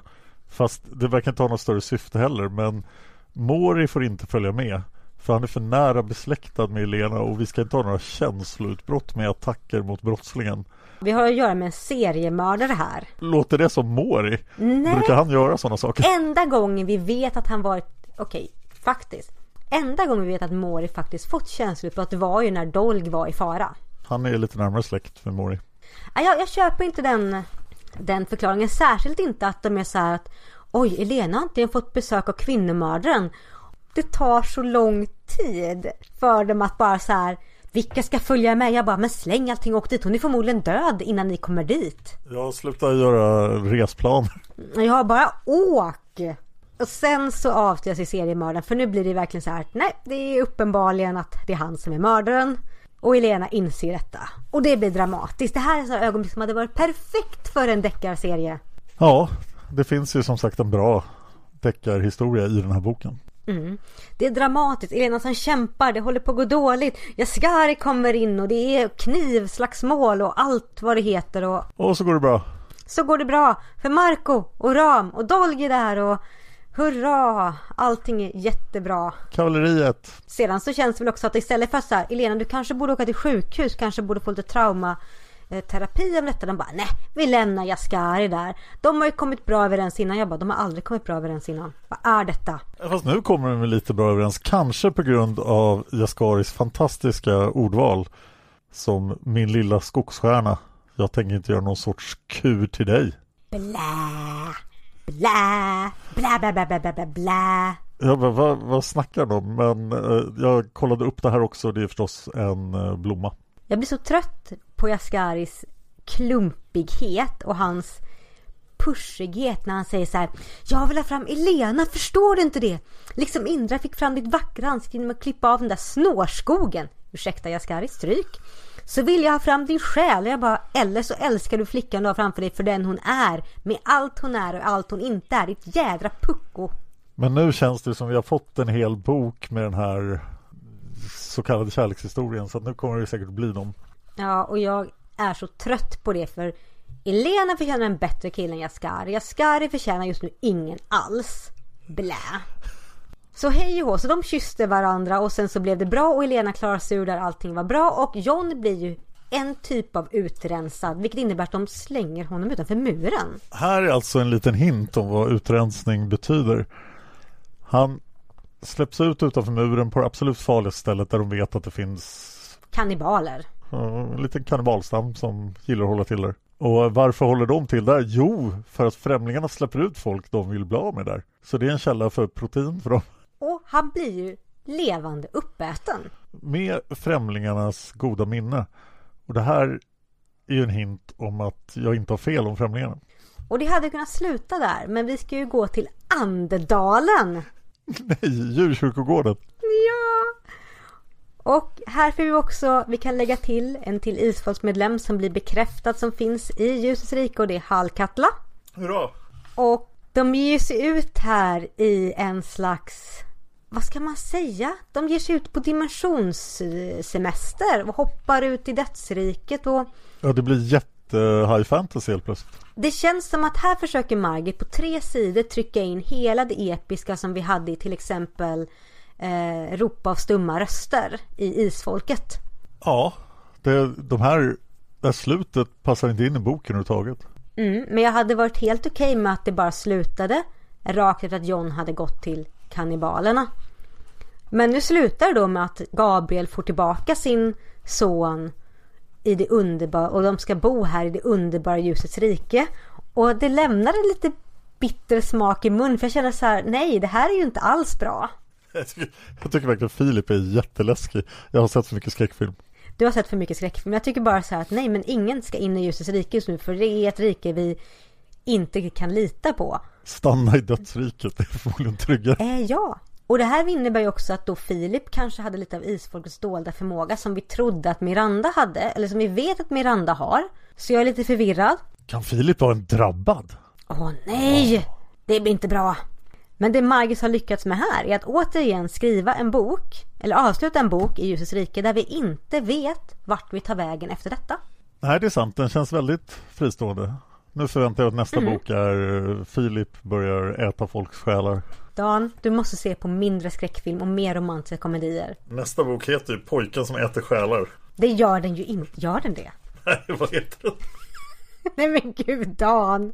Det hade varit ett bra namn. Men också väldigt, väldigt uh, läskigt. Ja, lite spoiligt. Nej, jag kan berätta att nästa bok heter uh, Mannen från Tåkedalen på norska och Dag och Dimma på svenska.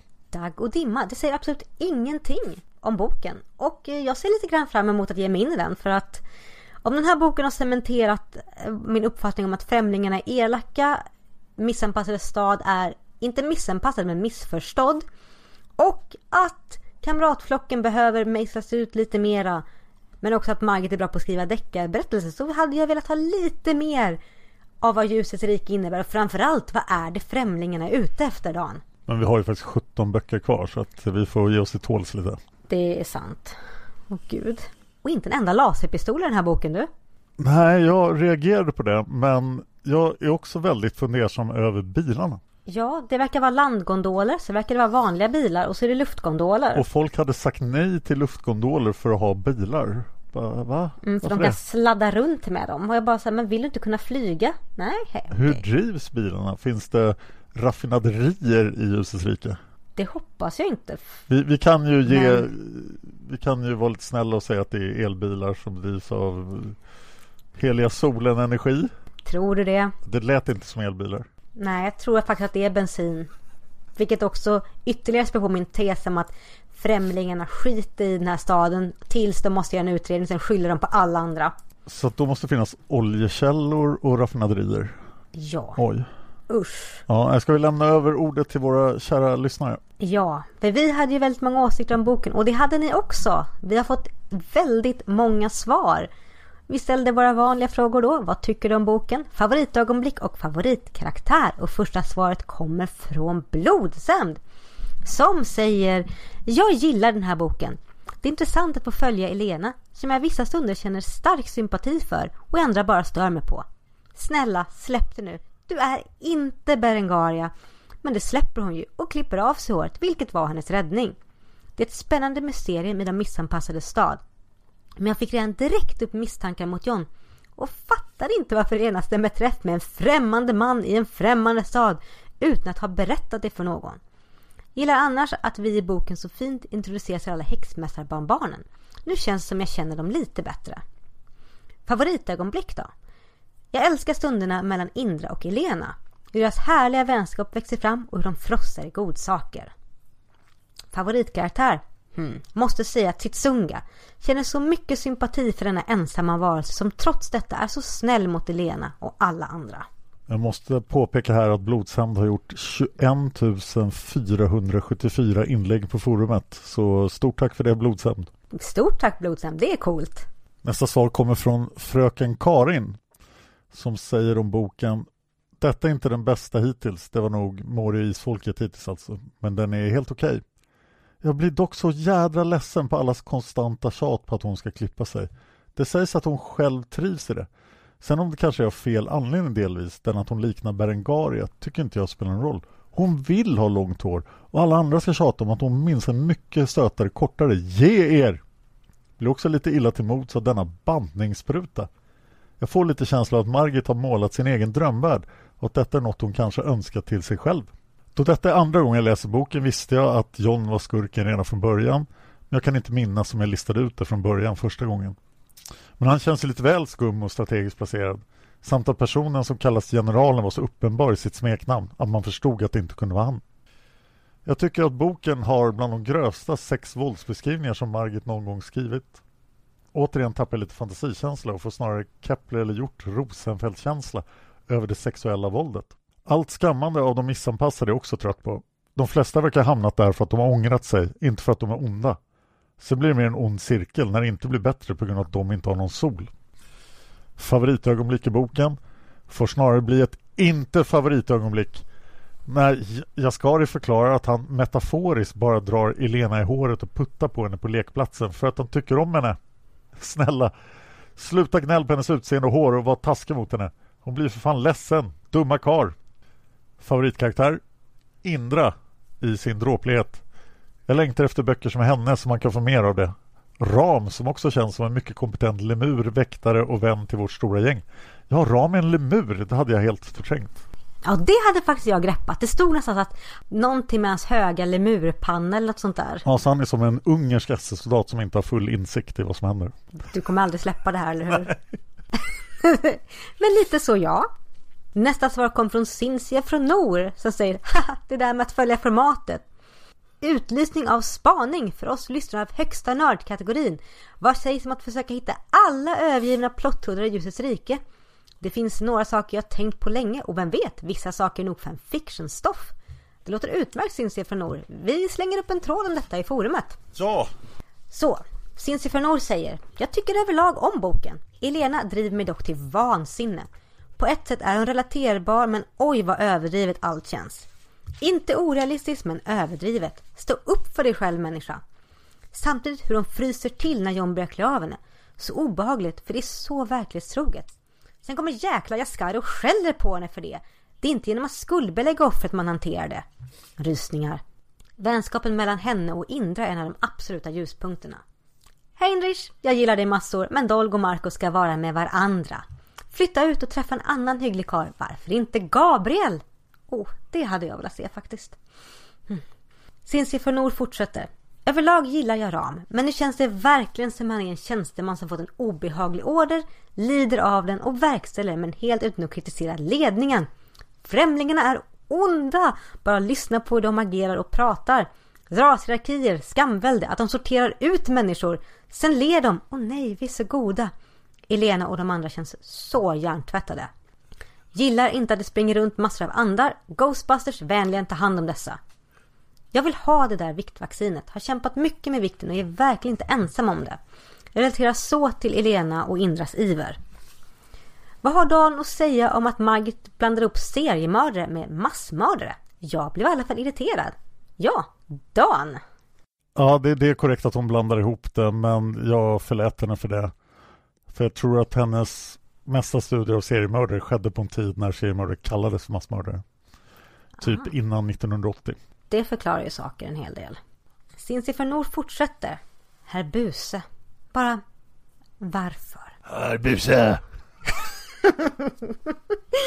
Favoritögonblick då i boken Cinzia Nord. När Indra och Elena frossar i sötsaker. Favoritkaraktär? Indra. Så fort hon kliver in i en scen blir allt bättre. Sen så kommer Cinzias gnällhörna. Gnällpunkt 1. Vad har Margit mot militärer? Den enda sympatiska militären i samtliga scener är väl Tankred? Kanske Alexander Paladin? Mikael hatar ju det. Sen har vi John här, pervofarfar i skarmens hur. och wannabe som verkligen är genomruttna. Jag blir verkligen obekväm av att läsa hennes bild av män och kvinnor som försvarar sitt land. Den känns så kompakt anti. Gnällpunkt 2. Varför ska endast solriddare och rävaktiga revisorer vara HBTQ? Känns inte bra. Gnällpunkt 3. Synen på sexarbetare känns verkligen som the list dead. Även om det kommer som en liten räddningskommentar. Förstår du the less dead? Nej. Det är ett begrepp eh, om mordoffer Där eh, just vissa mordoffer blir jättehögprioriterade och vissa blir inte prioriterade alls. Och det bästa exemplet är förstås prostituerade. Ah, okej, okay, okej. Okay. Ungefär som i dagens samhälle, ja, när vissa prioriteras högre Ah, okej. Okay. Mm. Jag hade en eh, författare på gång, eller en, eh, en journalist som skriver mycket om sånt här som ville skriva ett helt avsnitt om det till Seriemördarpodden men inte lyckats få henne att göra det än. Men The Less Dead är definitivt ett begrepp i mordsammanhang. Om tittar man på i dagens samhälle så är det ju definitivt när eh, kvinnor, person of color, försvinner. Och det inte alls blir en lika stor mordhistoria av det. Ja. Mm. Nåväl, förlåt. Vi går vidare med Sinsifonos gnällpunkt nummer 4. rashierarki. Jag tror på att strukturer och hierarkier behövs, men what the fuck. Rashierarkier är förkastligt och inte på något sätt logiskt. Jo, men har man X-drag måste man vara smartare än Y. Usch! Främlingarna lika med resonemanget om den vite mannens börda. De dumma människorna, madragerna, alverna och i missmån lemurerna förstår inte sitt eget bästa. Lika med därför ska vi tvinga dem att anpassa sig till vår kultur som andra och tredjeklassens medborgare. De ska tacka oss för det. Främlingen är verkligen de värsta skurkarna Margit kommit på. Det är läskigare än Tengil onde och mycket, mycket läskigare än Solfjantarna. Amen sister. Japp. Gnällpunkt 5. Våldtäkt. Sandemoseren och budskap att förlåta svin. Oj, oj, det är jobbigt att ta i och kanske lite off topic, men jag känner att det här är något isfolkkommunität vill prata om. En sak som framförallt händer i Sandemo-serien. Tänk bland annat Häxmästarens torn och Jungfrun Dimmornas dal. Men genomsyrar också så mycket av det Margit skriver som handlar om sexuella övergrepp och trakasserier. Här fryser först Elena av obehag och blir skambelagd för hennes av samhällets inlärda reaktion. Hon slåss, men det är för sent och av fel anledning.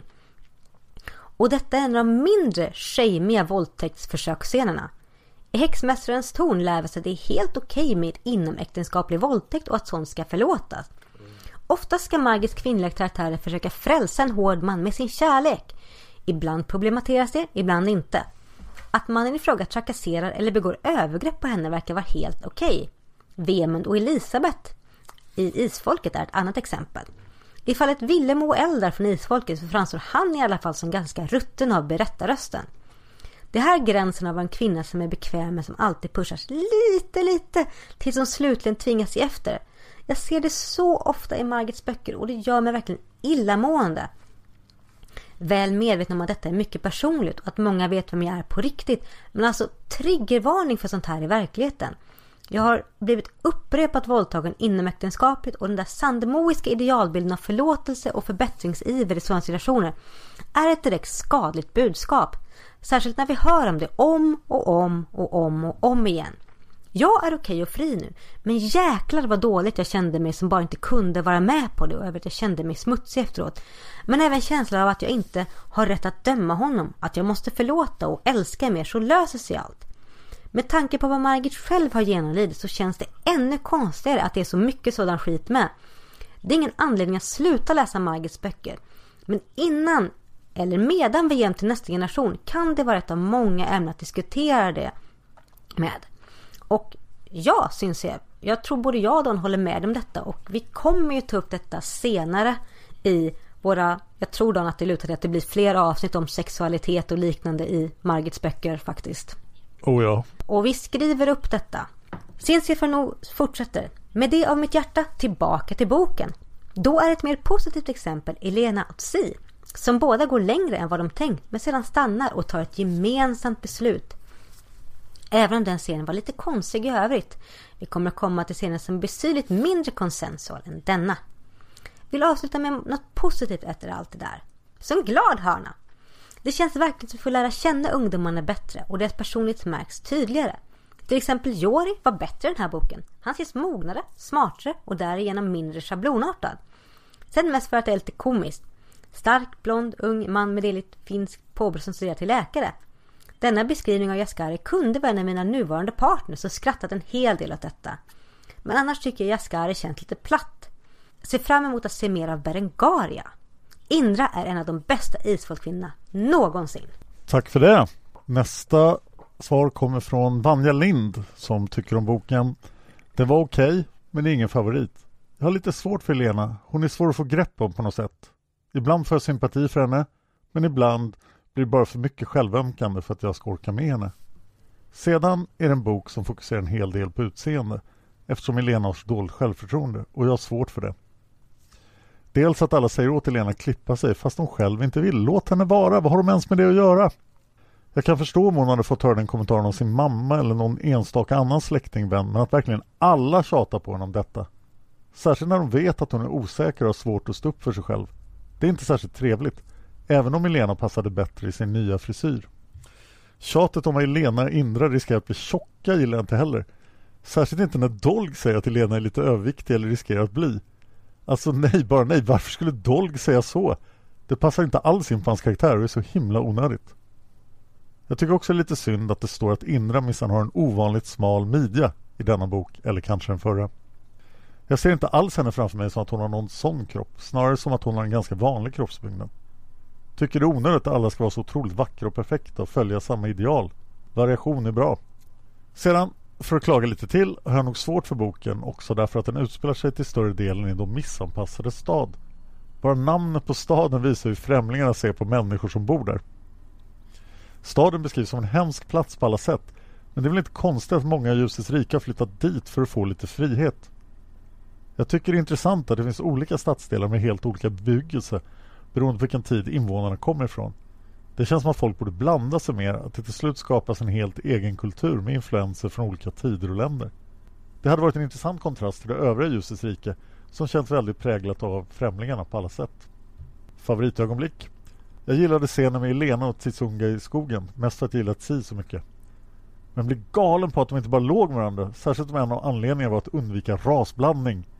Väldigt konstigt argument, särskilt med tanke på att Armas är en blandning av främling och människa. Favoritkaraktär? Indra och Titsunga. Mm, tack så mycket för det Vanja. Och nästa svar kom från Hanna som säger Jag vägrar kalla Dolg för Dolgo. Yes! Det gör vi med Hanna.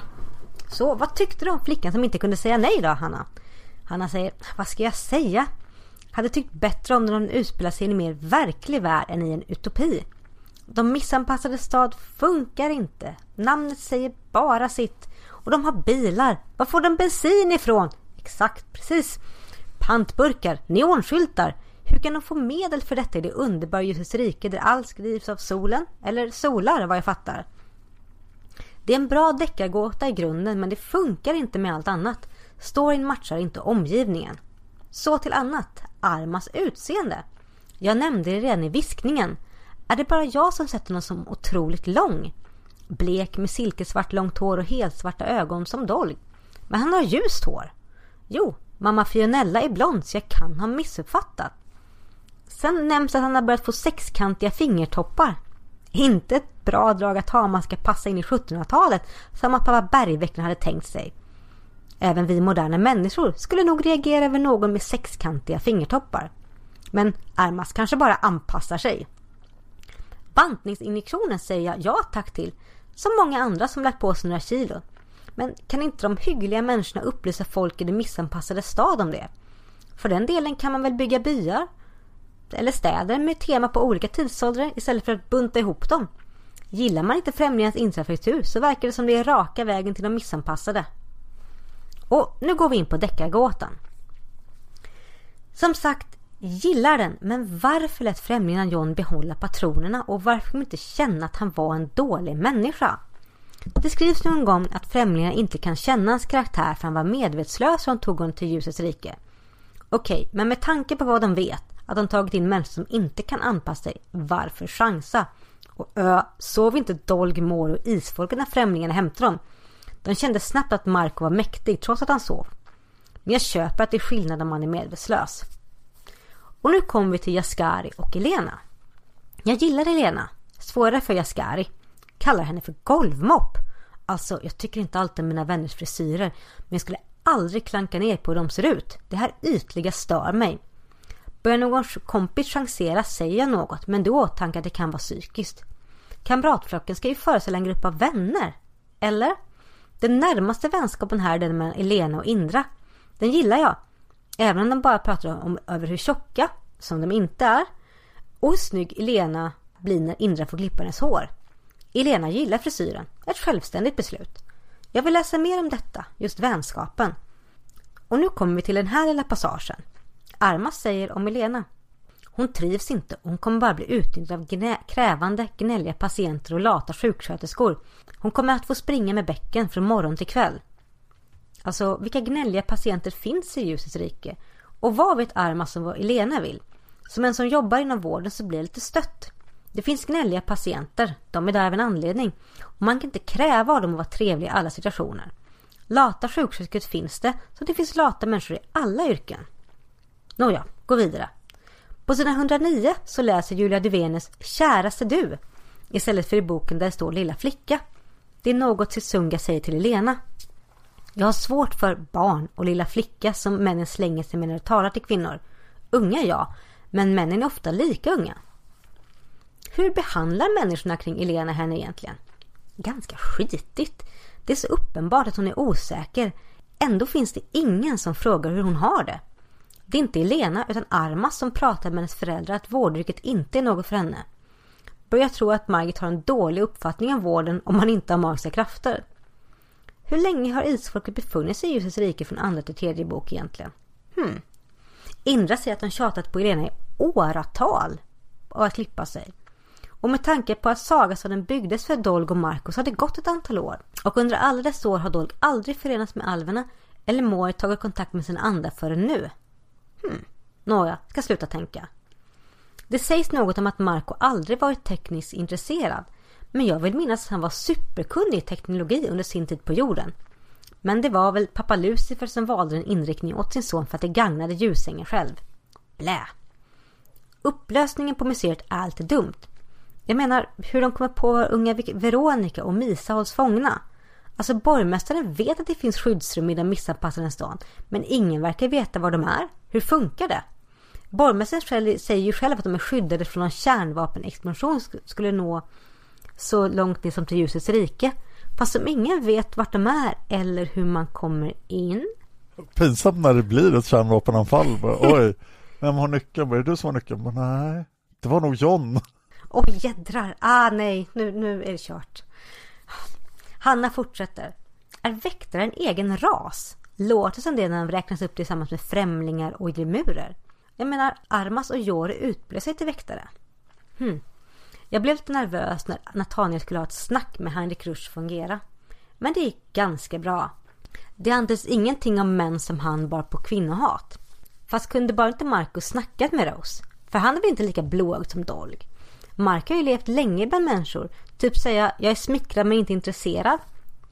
Det skär lite i hjärtat att Rose ska ha så svårt att finna någon att älska trots att han bor i det underbara ljusets rike. Han erkänner ju till Nathanael att han sökte till solens order för att han visste att många där delade hans läggning. Men inte ens i ljusets rike finner han att det är helt accepterat. Måste väl finnas hbtq som är ute i garderoberna? Varför ska det smygas? Ja, böckerna är ju gamla men har för mig att det inte var något tabu om att skriva om samkönad kärlek. Jag har inte skrivit så mycket om den andra handlingen, den som handlar om de vidriga våldtäkterna och hur mycket det involverar Elena, John och Jaskari. John är verkligen en sjukt vidrig karaktär. Och de prostituerade, de får genomlida så mycket och får en känsla av att det ska vara lite förmildrande just för att de är prostituerade. Som om det skulle varit värre om de inte haft yrket. Och hur kan prostitution förekomma överhuvudtaget? Så vissa känner att ljusets rike är så hemskt att de hellre säljer sina kroppar än att göra någonting annat. Eller är de födda i de missanpassade stat och vet inget annat? Eller är de sexfixerade hela bunten? Det kan man väl vara utan att sälja sin kropp? Varför låter främlingarna ens folk i den missanpassade stat föröka sig? Den här storyn faller för det slut med att Jaskari rusar innan John försöker våldta Helena. Hon försvarar sig bra i min mening. Men det tycker inte Jaskari. Och herregud, hur har han mage? Och vad har han för uppfattning om att hon ska ändra på sig? Låt henne vara den hon är. Och han kan inte bestämma när Elena menar allvar med sina känslor. Det bestämmer bara Elena. Johns straff är passande men gillar fortfarande inte att de goda låter andra utföra straffen. Det är ju ändå de som dömer. Man kan inte skylla på att det var pistolen som rörde när det ändå var en själv som höll den i handen. Favoritögonblick i boken. Armas, Mori, Dolg och Marco som gemensamt öppnar ingång till skyddsrummet där Veronica och Misa finns. Men vilka byggde skyddsrummen? Kan det verkligen vara någon eller några från den missanpassade stad när det krävs så starka krafter för att ta sig in? Favoritkaraktär? Alltid så svårt. Finns för många karaktärer och ingen lär man känna så bra. Men det får väl bli Elena och Tsi. Tack för det. Jag fick en, en teori dök upp i mitt huvud helt plötsligt. Oho! För nu, vi har ju lärt oss att det inte finns pengar i ljusets rike, men det fanns ju pengar i de missanpassade stad. Åh! Revisorn, eh, polismästaren korrumperade bort pengar. De, eh, herr Buse skulle ju få pengar. Det är så mycket i de missanpassade stad som inte alls fungerar och inte passar in i ljusets rike. Tänk om de missanpassade stad är en illusion. Att det är någon form av holodeck för att folk som, som inte passar in i ljusets rike ändå ska kunna existera där. Typ The Matrix. Det finns ingen missanpassad stad. Du har liksom bara blivit inkopplad där. Hmm. Ja, jag, jag droppar den här. Ja, Fast jag gillar den teorin. Hmm. Det skulle förklara alla logiska missar. Det skulle förklara väldigt mycket, ja. Nästa kommentar kommer från Magnus Vandraren. Jag tycker att boken är rätt bra.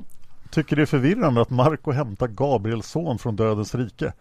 Fick inte alla isfolkets släkt erbjudande att gå till Svarta Salarna när de dog? Och alla från Svarta Salarna fick erbjudande att följa till ljusets rike. Då borde han varit antingen de Svarta Salarna eller ljusets rike. Gäller även Gro i så fall. Favoritperson Ram. Du får ta nästa svar, för min röst är, tr- är trött. Det är från Silja Ahlgrensdotter. Så nu ska jag spontan översätta lite norska. Innan jag kommenterar den här boken måste bara säga att jag inte hann kommentera förra boken. Eller så är det en extra kommentar till förra boken. Som är en av mina två favoriter i den här serien. Samma med bok nummer fyra. Så först några ord om Mori och isfolket. Jag älskar hur isfolket blir indragna i historien. Hur de räddar Mori i Sverige. Att Miranda hör till dem som har övernaturliga krafter. Hela, risa, hela resan till Island. Det märks hur glad Margit är i Island. Och hur de hittar Dolg. Men varför måste namnet hans ändras bara för att några dumma italienare hade problem med uttalare? Varför? Ja, det är vi många som undrar. En sak jag funderat över var att Marco inte hittade till sina släktingar förrän Nathaniel sökte upp honom. Det måste betyda att Lindalen också är ute ur släkten. Lite trist att tänka på. Eh, möjligt att jag glömt bort förklaringen. Läste kommentaren om framsidan boken, men nej, det är inte Bodil som är avbildad, men däremot Miranda och de två knarklangarna. Yes! De kanske kunde ha valt en annan scen, men framsidan är lika lika helt opassande med tanke på bokens handling. Okej, över till bok nummer tre. Den är långt ifrån någon stor favorit, även om den ibland är spännande. Många irritationsmoment här, som Jaskaris behandling av Elena, att Dolg nu heter Dolgo, jag läser konsekvent Dolg, eh, och Dave också. Eller att nästan varje gång Sol, Tengil eller Marko nämns så är det som Sol och Isfolket, Tengil den gode och Marko och Isfolket, prinsen av de svarta salarna. Ja, vi vet det. Tror också de som inte har läst Isfolket om det är någon som, har, som också har hört det nu. Det är också en del ologiskheter. Jag kommer inte på något gott exempel nu. Det är lite oklart vem av isfolket, eller vilka isfolk som har flyttat till ljusets rike. Men jag har svårt att tro att Tengela reser från Silje. Hon befinner sig nog där någonstans, även om hon inte är en stor del av handlingen. Favoritögonblick i boken? Ja, stunden med Sio och Elena i skogen. Eller när Mori uppnår kontakt med Misa. Eller när våra vänner uppsöker de dödas dimension för att hitta Filip. Vänskap mellan Indra och Elena är också fint beskrivet. Favoritkaraktär? Mm, igen, Tsi tror jag. Tack för det Silja Arngrimsdatter. Yes, nästa svar kommer från Ursula Horn. Som säger Ja, vad ska man säga? Jag borde tagit bättre anteckningar medan jag lyssnade för den enda meningen skriker åt mig nu Sekunden efter jag lyssnat klart är Hur creepy får man vara? Och jag syftar inte på våldtäktsmördaren John. Den kroniskt misslyckade såklart. Han är ju tjock. Polismästaren eller den märkliga borgmästarhunden med hennes världsherravälde genom kidnappningsplaner. Jag pratar om Mori och hur han informerar om att Si sagt att han har stark sexuell dragningskraft. Det säger man väl inte till en så ung tjej. Speciellt inte när man är hennes... Ja, släktskapen är förvirrad men han är ju generationen över hennes föräldrar. Fy fan. Det känns som en sån där typisk grej Margit bara vill förmedla till henne och sen inte riktigt tänker igenom vem som får vara språkröret. Det roade mig väldigt mycket, utöver att John var skum redan från början, att den upphöjde romantiske hjälten i Elenas ögon har det otroligt sagoskimrande jobbet personalchef. Det låter så otroligt byråkratigrått. Det är lite härligt att det finns en uttalat homosexuell karaktär igen. Jag är inte helt ett fan av att det ska läggas till som ett blindspår att han kan vara en av de misstänksamma. Eller att både han och den andra mannen med det bara obetydligt mer rafflande jobbet revisor framställs som så oattraktiva. Jo, nu minns jag plötsligt revisorns flörtande med Ascari. Det var också, jo.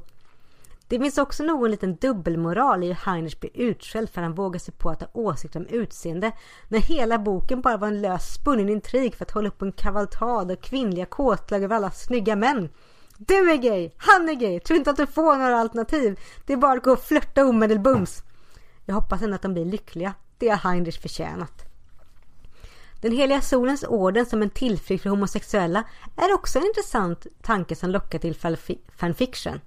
Ja, snälla Ursula Horn. Och apropå det så ser jag absolut kopplingen mellan Marco och Dolg, även om det var starkare i förra boken. Och jag hävdar fortfarande att namnet Dolgo bara är en hint. Ett sånt där sammanslaget chipnamn. Och det är i alla fall mycket snyggare än typ...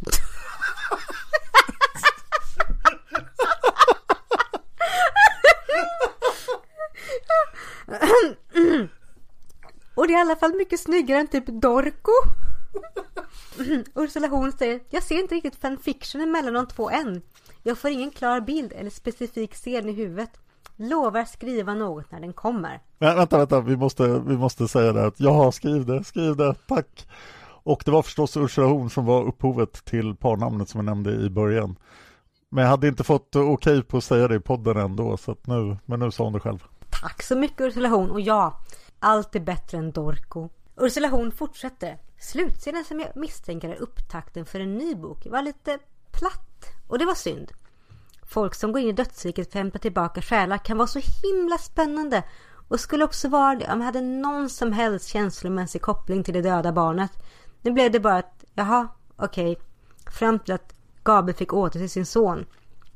Då blev till och med en förhärdad cyniker som jag lite rörd. Något annat helt random. Igår när jag gick hem från jobbet såg jag en hund och kom på mig att tänka, är det en rymdhund? Så påverkad kan man bli av böckerna och kanske ännu mer av podden. Och då väcks ju omedelbart frågan, kan rymdhundarna prata med hundar inuti jorden? Eller har främlingarna stört ut rymdhundarna för att rymdhundarna inte ska kunna rädda mänskligheten? Dun, dun, dun. Vi kanske får reda på det, eller så får vi inte det. Ursula Horn fortsätter. Det är kul, och med kul menar jag jävligt tragiskt. Att en utopi ska ha såna otroliga mängder fettförakt och prydmoral. Även om det senare får en kul knäpp på läs näsan när Indra Loiser kan tänka sig en medlidande Ligmetsi, hon som är lite mer modern.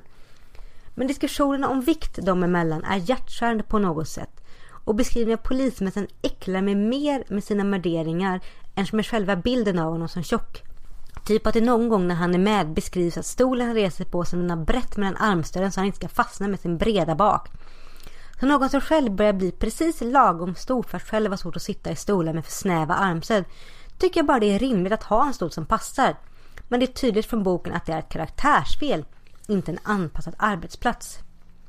Jag kan hålla med om att anledningen till att döpa om Dolgo är extremt svag i en värld som dräller av språkbrickor dessutom.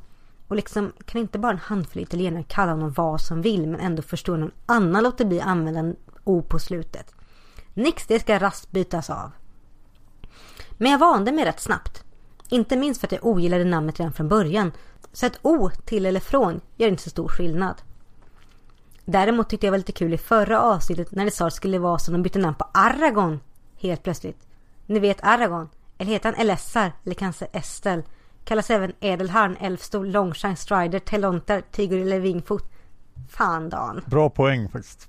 Jag är fortfarande kränkt över Dolgo. Okej, om du hade bytt namn till Aragorn till Aragorno. Ursula Horn säger, okej, okay, som alltid har jag förhållit mig väldigt fritt i frågorna, men vad tyckte du om boken? Kul bok, själva plotten var rätt svag och blev bara svagare när den löses med andar ex machina. Men med många charmiga detaljer och lagom smaskig obehaglig skurk. Favoritögonblick? Det är mest saker som glimrar till i en mening här och där och jag har inte skrivit ner någon av dem. Men blandat i allt fettförakt och trist moral så lyckas Margit komma med sina vanliga blixtskarpa, oväntade ofta roliga betraktelser av mänskligheten. Favoritkaraktär då? Marco. Mer för jag är konstant kär i honom än för att han utmärker sig så mycket i den här boken. Han gjorde i alla fall inga creepy tabbar som till exempel Mori. What the fuck Mori? I allt en skojig bok, klart lyssningsvärd, efter att jag upptäckte att det går att få snabbare hastighet på Storytel och lyssnade 2,5 gånger hastigheten istället för bara dubbla hastigheten. Och jag gillar ändå Elena som huvudperson. Och det var alla svar vi hade fått in. Tack för det. Jag la precis märke till att bok 18 av Ljusets rike heter Rymdhundarna slår tillbaka. Det gör den väl inte Dan? Jag tror jag ska göra en grej nu och komma på vad framtida böcker i Ljusets rike heter. Jag är så kränkt över detta. Jag kommer ju gå på det varje gång också. Men jag kommer inte ändra bok 10. Nattsvarta rosor. Åh, jag längtar, jag längtar, jag längtar. Ja! Åh! Lätt den bästa boken. Och jag kan meddela alla poddlyssnare att vi ligger stadigt på över 100 dollar så vi tuffar vidare mot laserpistoler in i ljusets rike. Nattsvarta rosor. Bara sju böcker kvar nu. Bara sju kvar och vi ska tacka alla våra underbara Patreon som sponsrar oss. Och nu, nu tar jag ett djupt andetag för vi säger tack till Sara Weiner, Maria Boman, Anna Bengtsson, Amanda Westerlind, Elaine Annasdotter, Kickan Ahlström, Jenny Johannesen, Elin Olausson, Elin, Johanna Gustafsson, Anna Järedal, Josefin Westman, Lisera Lihaven, Hanna Eriksson, Maria Samuelsen, Eidan L. Rydhammer, Elin Lindqvist, Ingrid Johansson, Julia Mason, Solveig Gudnadottir, Desiree Lindmark, Monica Nyhus, Magnus Rask, Maria Andersson, Musika Ferry, Alba Lundström Ramirez, Hanna Naversjö och Karin Källström. Tack så jättemycket! Tack så otroligt mycket. Jag har sagt det förut men jag gör ingen annan podd. Jag gör ju ganska många. Där ja. så många av lyssnarna är med och sponsrar Patreon. Det betyder massor för oss. Tack! Det betyder så mycket. Och nu Dan? Det är vi på väg nu? Vi är på väg till nästa bok. Som alltså heter Dagodamma eller Ma- Dago... Nej, så Dagodam, Dagodimma, mannen från Tåkedalen. Spännande och vi har ingen aning om vad den kommer handla om men vi får se. Jag tror att det handlar om Dag och Dimma och en man från Tåkedalen. Var kan lyssnarna hitta mer av det Anna? Man kan hitta mig på Twitter framförallt väldigt mycket dessa dagar. Där heter jag Anna Seras och ni är jättevälkomna att gå in och följa mig. Jag finns också på Instagram som Setsuna Seras. Och jag har en Facebook-sida som heter Setsuna Seras och där får ni jättegärna gå in och följa mig också. Och Dan, var hittar man dig nu för tiden? Definitivt inte på Facebook. Men jag finns på Instagram, Twitter och Youtube. Man kan hitta mig i andra poddar också. Om jag har låtit konstiga avsnitt så beror det på att jag ofta försöker kombinera den här dagen vi spelar in Isfolket med att spela in Fan of History också, min historiepodd. Men idag satt vi i tre timmar och pratade om 630-talet före Kristus. En spännande tid i mänsklighetens historia. Och vi eh, pratade väldigt mycket om det assyriska imperiet, upphovet till alla imperier efteråt, direkt anfader till persiska imperiet och romarna. Och hur det gick fullständigt käpprätt åt ett dåligt ställe för dem. De avsnitten kommer nog börja komma ut om sådär, ja det, det första kommer nog vara ute när det här kommer ut. Men Fan of History finns där Isfolkspodden finns. Spännande, spännande. Jag är glad att du ändå har röst kvar för att podda med Isfolket för det är ju bäst i hela världen. Oj, ja, jag är redo för dagg och dimma. Jag är också redo för dagg och dimma. Nu kör vi Dan! Full fart! Så mycket dagg, så mycket dimma, ända in i Tåkedalen. Och någonstans där fanns det en man också, eller hur? Ha det bra! Ha det bra! Hejdå! Hejdå!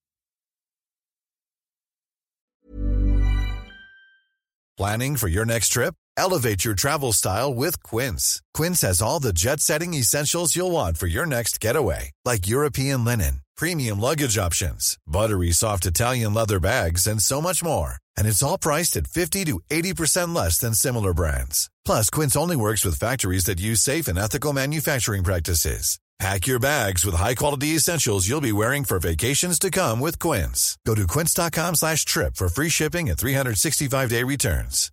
Hi, I'm Daniel, founder of Pretty Litter. Cats and cat owners deserve better than any old-fashioned litter. That's why I teamed up with scientists and veterinarians to create Pretty Litter. Its innovative crystal formula has superior odor control and weighs up to 80% less than clay litter. Pretty Litter even monitors health by changing colors to help detect early signs of potential illness. It's the world's smartest kitty litter. Go to prettylitter.com and use code ACAST for 20% off your first order and a free cat toy. Terms and conditions apply. See site for details. Hold up. What was that? Boring. No flavor. That was as bad as those leftovers you ate all week. Kiki Palmer here, and it's time to say hello to something fresh and guilt-free. Hello Fresh. Jazz up dinner with pecan-crusted chicken or garlic butter shrimp scampi. Now that's music to my mouth. Hello Fresh. Let's get this dinner party started. Discover all the delicious possibilities at hellofresh.com.